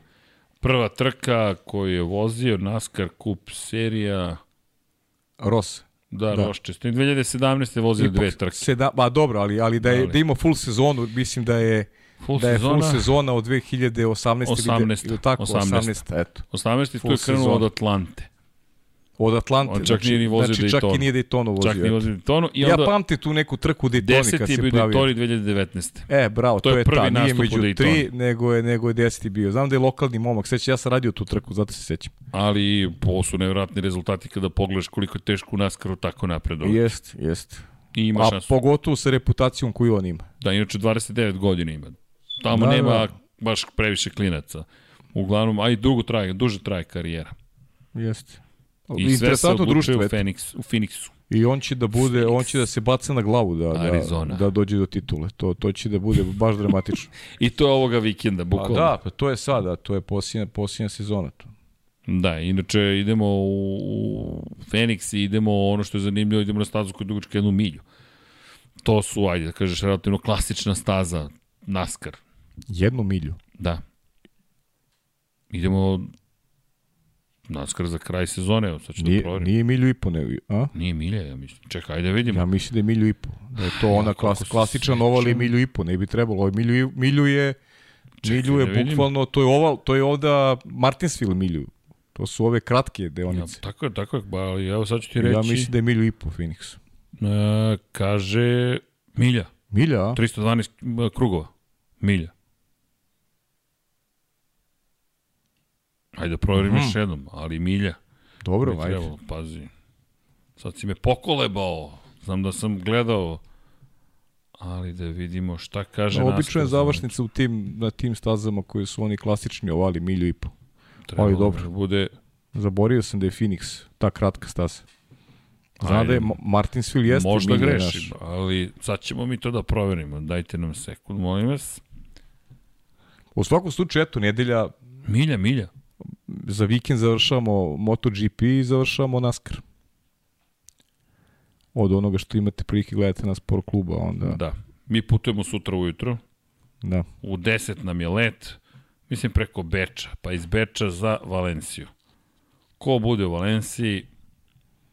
Dobro, ali hoćemo da najavimo, mi se i družimo se sutra malo. Dakle, Ne, da, da, da, da, da. da. Nemoj zaboraviti. Za one koji su Patreoni, koji su članovi na YouTube-u. Dakle, oni koji su Patreoni i koji su članovi, stiže vam link večeras za sutra za Zoom. Da znate, dakle, ne morate da palite kamere, ali logično je bilo da se pojavimo svi kao zatvorena soba, ne snimamo, neće biti da ćao svima, dobro večer. Možda će biti ćao svima, ali ne, nije, nije, ne ide na YouTube, nigde se ne snima, nego sednete s nama trojicom i oni koji nas podržavate imaju priliku da Malo- nas pitaju malo časkamo, da. i druge stvari, da jednostavno postavljaju neka, evo ću kažem, privatna pitanja možda iz nekih drugih stvari profesionalnog života, šta god vas zanima, nemam pojma šta bi vas zanimalo, ali nas trojice ćemo biti tu, ja ću biti u Valenciji, Deki pa će biti ovde u studiju, ali ćemo se uključiti, tome služi Zoom, pa malo da časkamo. Ukoliko mi je to zanimljivo, naravno, ukoliko nije, Mi ćemo svako budemo ovde, pa ajde. Da. Bar ćemo nas trojice da se iščeskamo. Gde si Da. pa, gde si deki. Imamo 45, 45 minuta će to sve trajati, ali to je eto neka ideja. Polu vreme, jedno polu Pa vreme. to, razmišljamo kako da, da, da imamo još bliski odnos sa vama i kako neko da ponudimo nešto što, jel te, se zove dodata vrednost, ali ne gledamo to tako, nego kad je već neko nas podržao da ima dodatni pristup, a da ne ukinemo nikome pristup u podcastu, to nikakvog smisla nema, pojenta je da se družimo, a ne da mi zato ni nemamo, pošto smo uživo, nemamo taj koncept, Patreoni dobiju nešto ranije, nego se trudimo sada da nađemo načina da, da dodatno nagradimo ljudi. koji- E, evo, Je li knjiga ovde? Nije mi knjiga. Evo je ovde knjiga. Dakle, ovo ja mislim da je jedna mnogo lepa stvar. Ko želi, Patreon i članovi, ovo očigledno nije u originalu, ali svi koji su nas podržali i pristali da budu u knjizi, ako vidite, svi ste popisani, dakle, u knjizi. I tu su imena i prezimena, dakle, u knjizi, za sve one koji nas podržavaju. Zašto? Pa prosto eto nešto dodatno da učinimo za vas. Ali mi mislimo da nas svako podržava ko nas gleda. Dakle, ne morate budete članovi ili Patreoni da biste dobili neke stvari Da, da, od nas. naravno. Nego samo te ljude da dodatno još nekako, čak mi nije pristojno kažem nagradimo, ali da vam damo još nešto, pa eto, znak Pa malo pažnje. se ispričamo. Malo Pa, bukvalno, znak pažnje. Jer ljudi, ne, ne, niko ne mora da, da, da plaća, dakle nije plaćeni, što kažu sadržaj. Da, znači nam podrška dok ne dođemo, što kažu, do toga da smo u potpunosti samo održivi i to, to je neki cilj kojem mi težimo. Zašto? Pa da potrošimo još više para i na putovanje, i na opremu, i neke nove priče, i neke zanimljive stvari i da se nadamo da nam to bude glavni posao, što kažu, pošto svi imamo dva ili tri posla dodatne, tako da to tako funkcioniše, ali nemamo problem sa time, ne kukamo, nego prosto vam pričamo kakav je plan, dosta smo transparentni. Kada god kupite knjigu od nas, majicu, kačket, bilo šta, time nas podržavate, a danas i dobijete nešto što je lepo. To je makar moje mišljenje, ali eto. Zn- Poznao sam da grešim, što kažu Ameri. Ali, da li sam nešto sad zaboravio, Pajo? Nisi. Nisam. Zaboravio si da... Kolega, nisam ni zaboravio, da smo zaboravili nešto, zaboravio koleginice. Da pročitaš ovaj... Da pročitam Patreon. Tako je. Da, da. Ili ima neko pitanjce, čekaj da vidimo. Ili ima neko pitanjce? Pa nema, je, trka je bila inspirativna, rekao sam ti. e, Da, da, lepo kaže kolegica iz prodaje. Na, na trku koja nije bila inspirativna, dva i po sata smo trajali. dva i po da sata na stvarno trku smo- koja nije inspirativna. Pa da, pa naravno. Pa naravno, eto, pa jeste rekli. Inače, Nenad Gašić kaže, E, pozdrav za jako prijatan ljudski dvojac, pre svega što smo se mogli uveriti na sajmu. Pitanje za vas, dokle će Ferrari držati Carlosa Sainca i po vama ko je realna zamena? PS Srke čekamo dinastiju. Naravno, radimo na tome. E, meni se ljudi nešto danas javio Lando Norris, ne znam zbog čega. Neko me je danas pitao to isto vezano za Ferrari ja sam i iz, uh, iz cuga pomislio na Landa. Ne znam zbog čega. Nema nikakve informacije da tu nešto postoji, nego neka moja ovaj, fikcija. Eto. Pa podelio sam je sada sa vama. Ok, ima tu još stvari. Ima tu još stvari. Dakle, kada pričamo o, o, o Pajnoj izjavi, isekli smo te za društvene mreže, ideš kao Reels sa šoljom. Dobro, da, znam. Uspeli smo. Rekao si mi. Tako da, da, da znaš unapred. Ali da, Lando Norris u Ferrariju, to zvuči zanimljivo. Carlos Sainz ima ogromnu podršku, nisam siguran da će ga ikada smeniti, ali dobro. Ljudi, to tako izgleda trenutno, vraćamo se ponovo početak podcasta, da li će se nešto tu odnosima promeniti, vrlo teško. Ja ne vidim nagrade dve, tri godine, sigurno.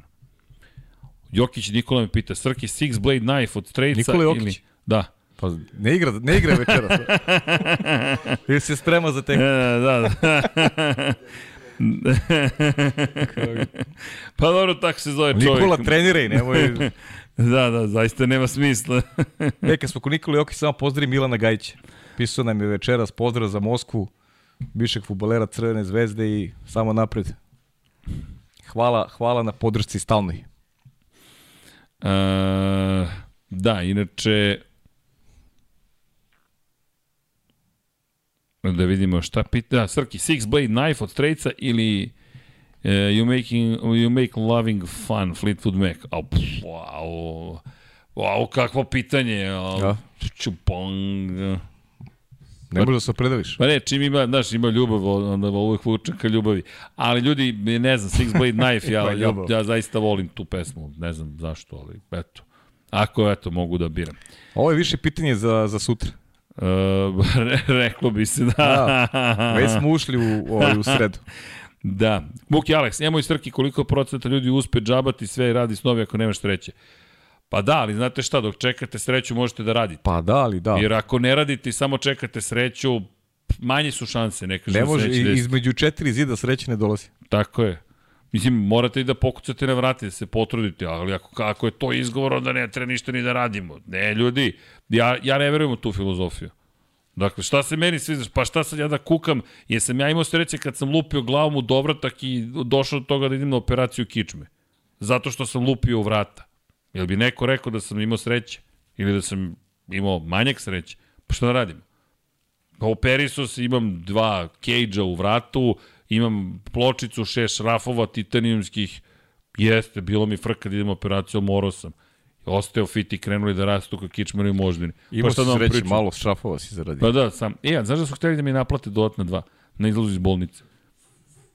ozbiljno, dolaze, ne, ne, šala, ozbiljno vam kažu, došli, do, ja izlazim i kažu, ali da, ali morate da platite još. Ja kažem, šta sad još da platim? Pošto u državnoj su mi rekli, čekaj, dva... Pa šta ste, če- ti uzme da ti naplate dva da imaš za rezervu? ne, ne, slušaj, ja, morao sam da čekam 14 meseci na operaciju u državnoj i pitam ih šta će biti s rukom, pošto je već počeo život da se, da se gasi. Pa šta bude, biće. Rekao, dobro, znači ideš privatno. Onda mi daju cenu, e, ja kažem, dobro, prihvatam cenu, nema mnogo opcija. Onda mi kažu, e, kad sam došao u bolnicu, to ti je za ruke, a za delove ide još. Onda za delove još i onda ne znam za šta još je bilo još. Pa do, to je sad, nažalost, proces. Ono, znaš. proces još, još. I onda dolazim na izlazu, odjavljam se iz bolnice, kaže, e, ali imate još jedan račun da platite. Reku, nisam ni sumnjao da trebaš nešto plaćati, nego šta plaćam sada? Još dva šrafa. Reku, koliko to šrafova ste mi ugradili? Kaže, šest. Pa rekao, i u ponudi koju ste mi dali piše šest šrafova. Stvarno, rekao, stvarno je vam rengenski snimak da ih imam šest.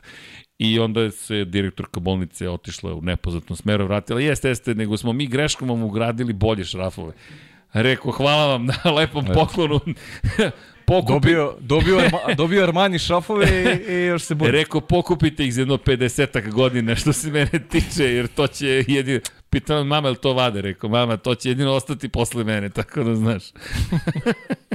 Ali dobro, da ja imam titarinske šrafe. Tako da kažem, i šta sad radi? Da kukam. Ba, kakve veze ima, ljudi, desilo se. Gotovo, idemo dalje. Nisam bio srećan, ali šta da radim? Evo, živ sam, brdam ruku, I to vam je otprilike to, pa šta sad? Ne, imao sam sreće da sam mogu da priuštim. Kako sam to imao sreće da sam mogu da priuštim? Počeo sam da, e, prvi posao mi je bio da čupam zaperke sa 16 godina u kukuruzu. Što? Plaćali 10 maraka dnevnicu. Ja rekao, jo, odo ja u polje. Ne znam, znam o kukuruzu ništa u tom trenutku, naučio sam. Čupao ja zaperke. I tovario sam kubik peska posle toga šta radite? Eto, može se zaradi. I onda sam krenuo jedan posao, drugi posao, rizikovo, trošio, bla, bla, trući i tako dalje. Šta ćete? I onda imao, imao sreće. Evo, imao, zaradio. Šta? Otišlo u šrafove. Ali ne veze, tu sam. Posle smo kupili mikrofon umesto šrafova. Tako da, nema bitka, traje non stop. Kaže Paja, gasi, idemo. Uh, dobro reči pozdrav ekipi. Kratka horor priča, Branislav Dević. Ma nije horor, ljudi, to se zove, to se zove život, ljudi, bu, bukvalno. Uh, da li ima neki novosti oko Andretija i Porschea? Nema ništa novo, ljudi. Čekamo svi, čekamo da Porsche nešto saopšti ili Jost Capito. Andreti, čekamo da neko nešto saopšti, to je sad lobiranje. Pare, levo, desno, sponzori, uticaj, pa da vidimo šta će da se, da se desi. Nadamo se da će sve biti ok, što kažu i sa jednima i sa drugima, baš bi bilo lepo da nam dođu. Uh, ima ovde jedan čudan komentar Tarik Bašić koji je bez, uh, bez, bez razmaka napisao Slažem se, samo trebalo bi imati 15 trka po sezoni, pored toga, na primjeru, pola sezone imati jednu trku 24 časa, na primjer 24 časa Spa ili Silverstone. Ja mislim da bi to više volili Brazil, uh, disk i tako da nisam dalje mogu da razumem. Okej. Okay. Uh, u svakom slučaju, ostaje još jedno pitanje, Mick Schumacher. Ne znamo ništa novo. Poslednje što je Ginter Steiner rekao, vreme je da se donese odluka. Ok, evo, čekamo. Ja, Na... možda do Brazila, ko zna. Da, navodno je neki trač da će i da angažuju i dalje Nika Hulkenberga i to je najsvežiji, najnoviji trač koji kao ima mnogo osnova da će se to desiti, ali ljudi, ko može da zna šta će Ginter Steiner na kraju rešiti ili šta će Gene Haas pa, reći? Dobro, pa Ako je Gene Haas, verujem da Gene Haas više naginje toj opciji. Tako je. A Ginter Steiner možda bi on pre i zadržao Mika. Ja mislim da tu dolazi ono što smo komentarisali da tu malo ima neslaganja između njih dvojice. To je, to je moj sud. Mislim da je Ginu Haasu ovaj, dosta uh, troškova koje dodatni koji ima ove godine na račun ovaj vožnji Mika Šumacher. To je da. samo moj stav. Inače, mali poziv, udrite like ljudi pre nego što se odjavimo, pre nego što počnem da čitam 150 i kusur imena Patreona, hvala vam. Nek vas bude i 150.000, sve to okej. Okay. I preko 70 ljudi na YouTube-u, znači nam podrška. Nisam ih potrošio na šrafove, nemojte da brinete, nego ih trošimo na knjige, na opremu, na studiju. A ljudi na da jeste, izvadit ćemo pa ćemo prodamo te šrafove. da, pitaju me kako prolaziš kroz senzor metala. Kada se putuje, na primjer, to su mi dali za Rusiju, moram da nosim papirić da, da piše da imam titanijumske šrafove u sebi, na ostalim mestima ih ne detektuju. Makar ne još, pa ćemo da vidimo da li ću da zvonim ili ne. U svakom slučaju, ljudi, moramo polako da se pozdravljamo. Zašto? U 10 ujutru treba da poletim, za, ja konkretno za Valenciju, ne zamerite, da pišite pitanja, komentare i sve ostalo, potrudit ćemo se da se reaktiviramo po pitanju odgovora na komentare. Tako, sve smo bolji, knjige, sve ih je više, stižu na vreme, bili smo na sajmu knjiga, radujemo se, eto, Interliber nije nam palo na pamet, nadamo se da ćemo nastupati na još nekim sajmima, prilika biti da vas upoznamo, malo da proputujemo tokom međusezone, takođe da, da, da dođemo u ljudski kontakt. 29. novembra poziv da budete u Dogmi, to je utorak, Lab 76 broj 100. Najzad, evo Borise, pre nego što napuniš 100 tu da doživiš taj Lab 76 100, imate puno pozdrav od našeg dežurnog penzionera. Prvi zvanični penzioner Lab 76, da? Jesmo prošle godine, pita Srki, utvrdili da je do 29. Ne, Srki uvodi neki dan dobrote. Srki, e, Nije, nije 29. novembar neki drugi dan, Srki. Da, da, 29. novembar nije dan, da, to, to je... Imali smo 99 yardi, ne znam, ne, i nešto smo, uveli smo mi bili neki dan dobrote. Vidi, šta god, evo, ovo će biti studio dobrote na drugom kraju univerzuma, ali, ljudi, polako li sigurno da se pozdravljamo, udrite like, udrite subscribe, join, podelite informaciju da Lab 76 postoji. Zašto? Dosta ljudi je rekli, nisam ni znao da izdajete knjige o Formuli 1, MotoGP i svem ostalom. Podelite dobru priču.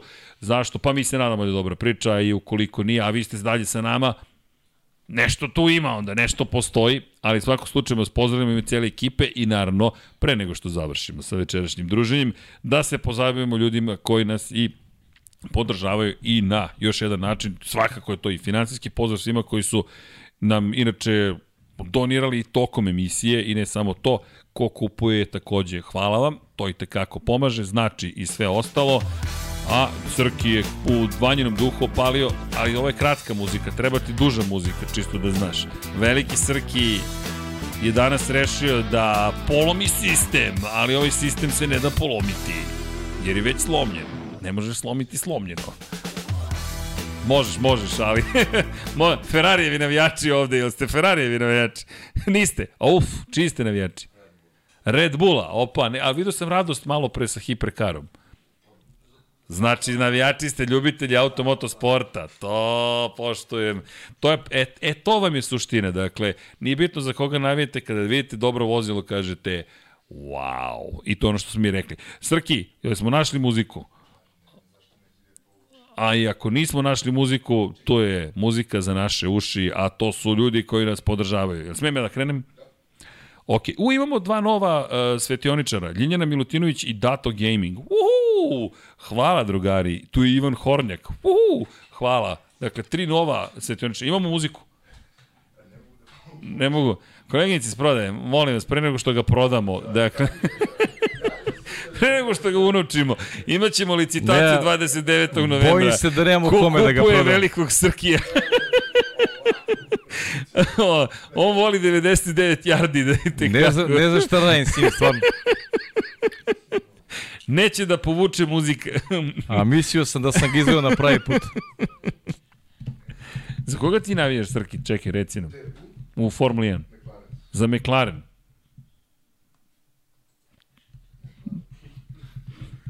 Ok. Odakle Alpina pobeđuje dan ove godine. Šalu na stranu, ne, ne. Ali evo, koleginici iz prodaje će pokušati duhom Sebastijana Fetela da nas izvede na pravi put. Aj malo otežemo ovde, družimo se zabavno. To je uvodna sekvenca. Ta, ta, ta, ta. Dun, dun, dun. Mogu ja ponovo da kažem ćao svima, dobrodošli u Lab 76, broj 245. Udrite like, udrite subscribe. Ne, kažeš ponovo, te. ne, hoću krenuti iz početka. Max Verstappen, briljantan na, na, na, na stazi. Da vidimo da li možemo ponovimo sve što smo Braća rekli. Rodriguez. E, da, to je bilo zanimljivo. Da li možemo da ponovimo sve što smo rekli? Šta ti misliš? Teško. Ne, ne, evo, diskusija se povela ovde iza kulisa, ovo, ovo, ovo treba snimiti za blooperse, zapravo, tre, dakle, sad samo još Neće, da ne, dođe. nećemo da Nećemo blooperse, ne, ne, nema potrebe. Ništa, ja mislim da je bolje da ugasite muziku komplet, total, i, a ja ću Pa šta, da... idi na ovu muziku, šta, kakve veze ima? Da se vrti u krug non stop. Pa nek se može. vrti, šta? Pusti je u lup, u petlju. A nek ide. Pusti u petlju, pa ko ne A, poludi, da. taj je pravi, beskoračni čovek, žena, biće, entitet, kosmički. Ljudi, mi vas volimo. Kako? Oba fajla su ista, pa to ti kažem, pusti da. petnju i A sve da, će biti u znao redu. sam da je do fajlova, da nije do tebe.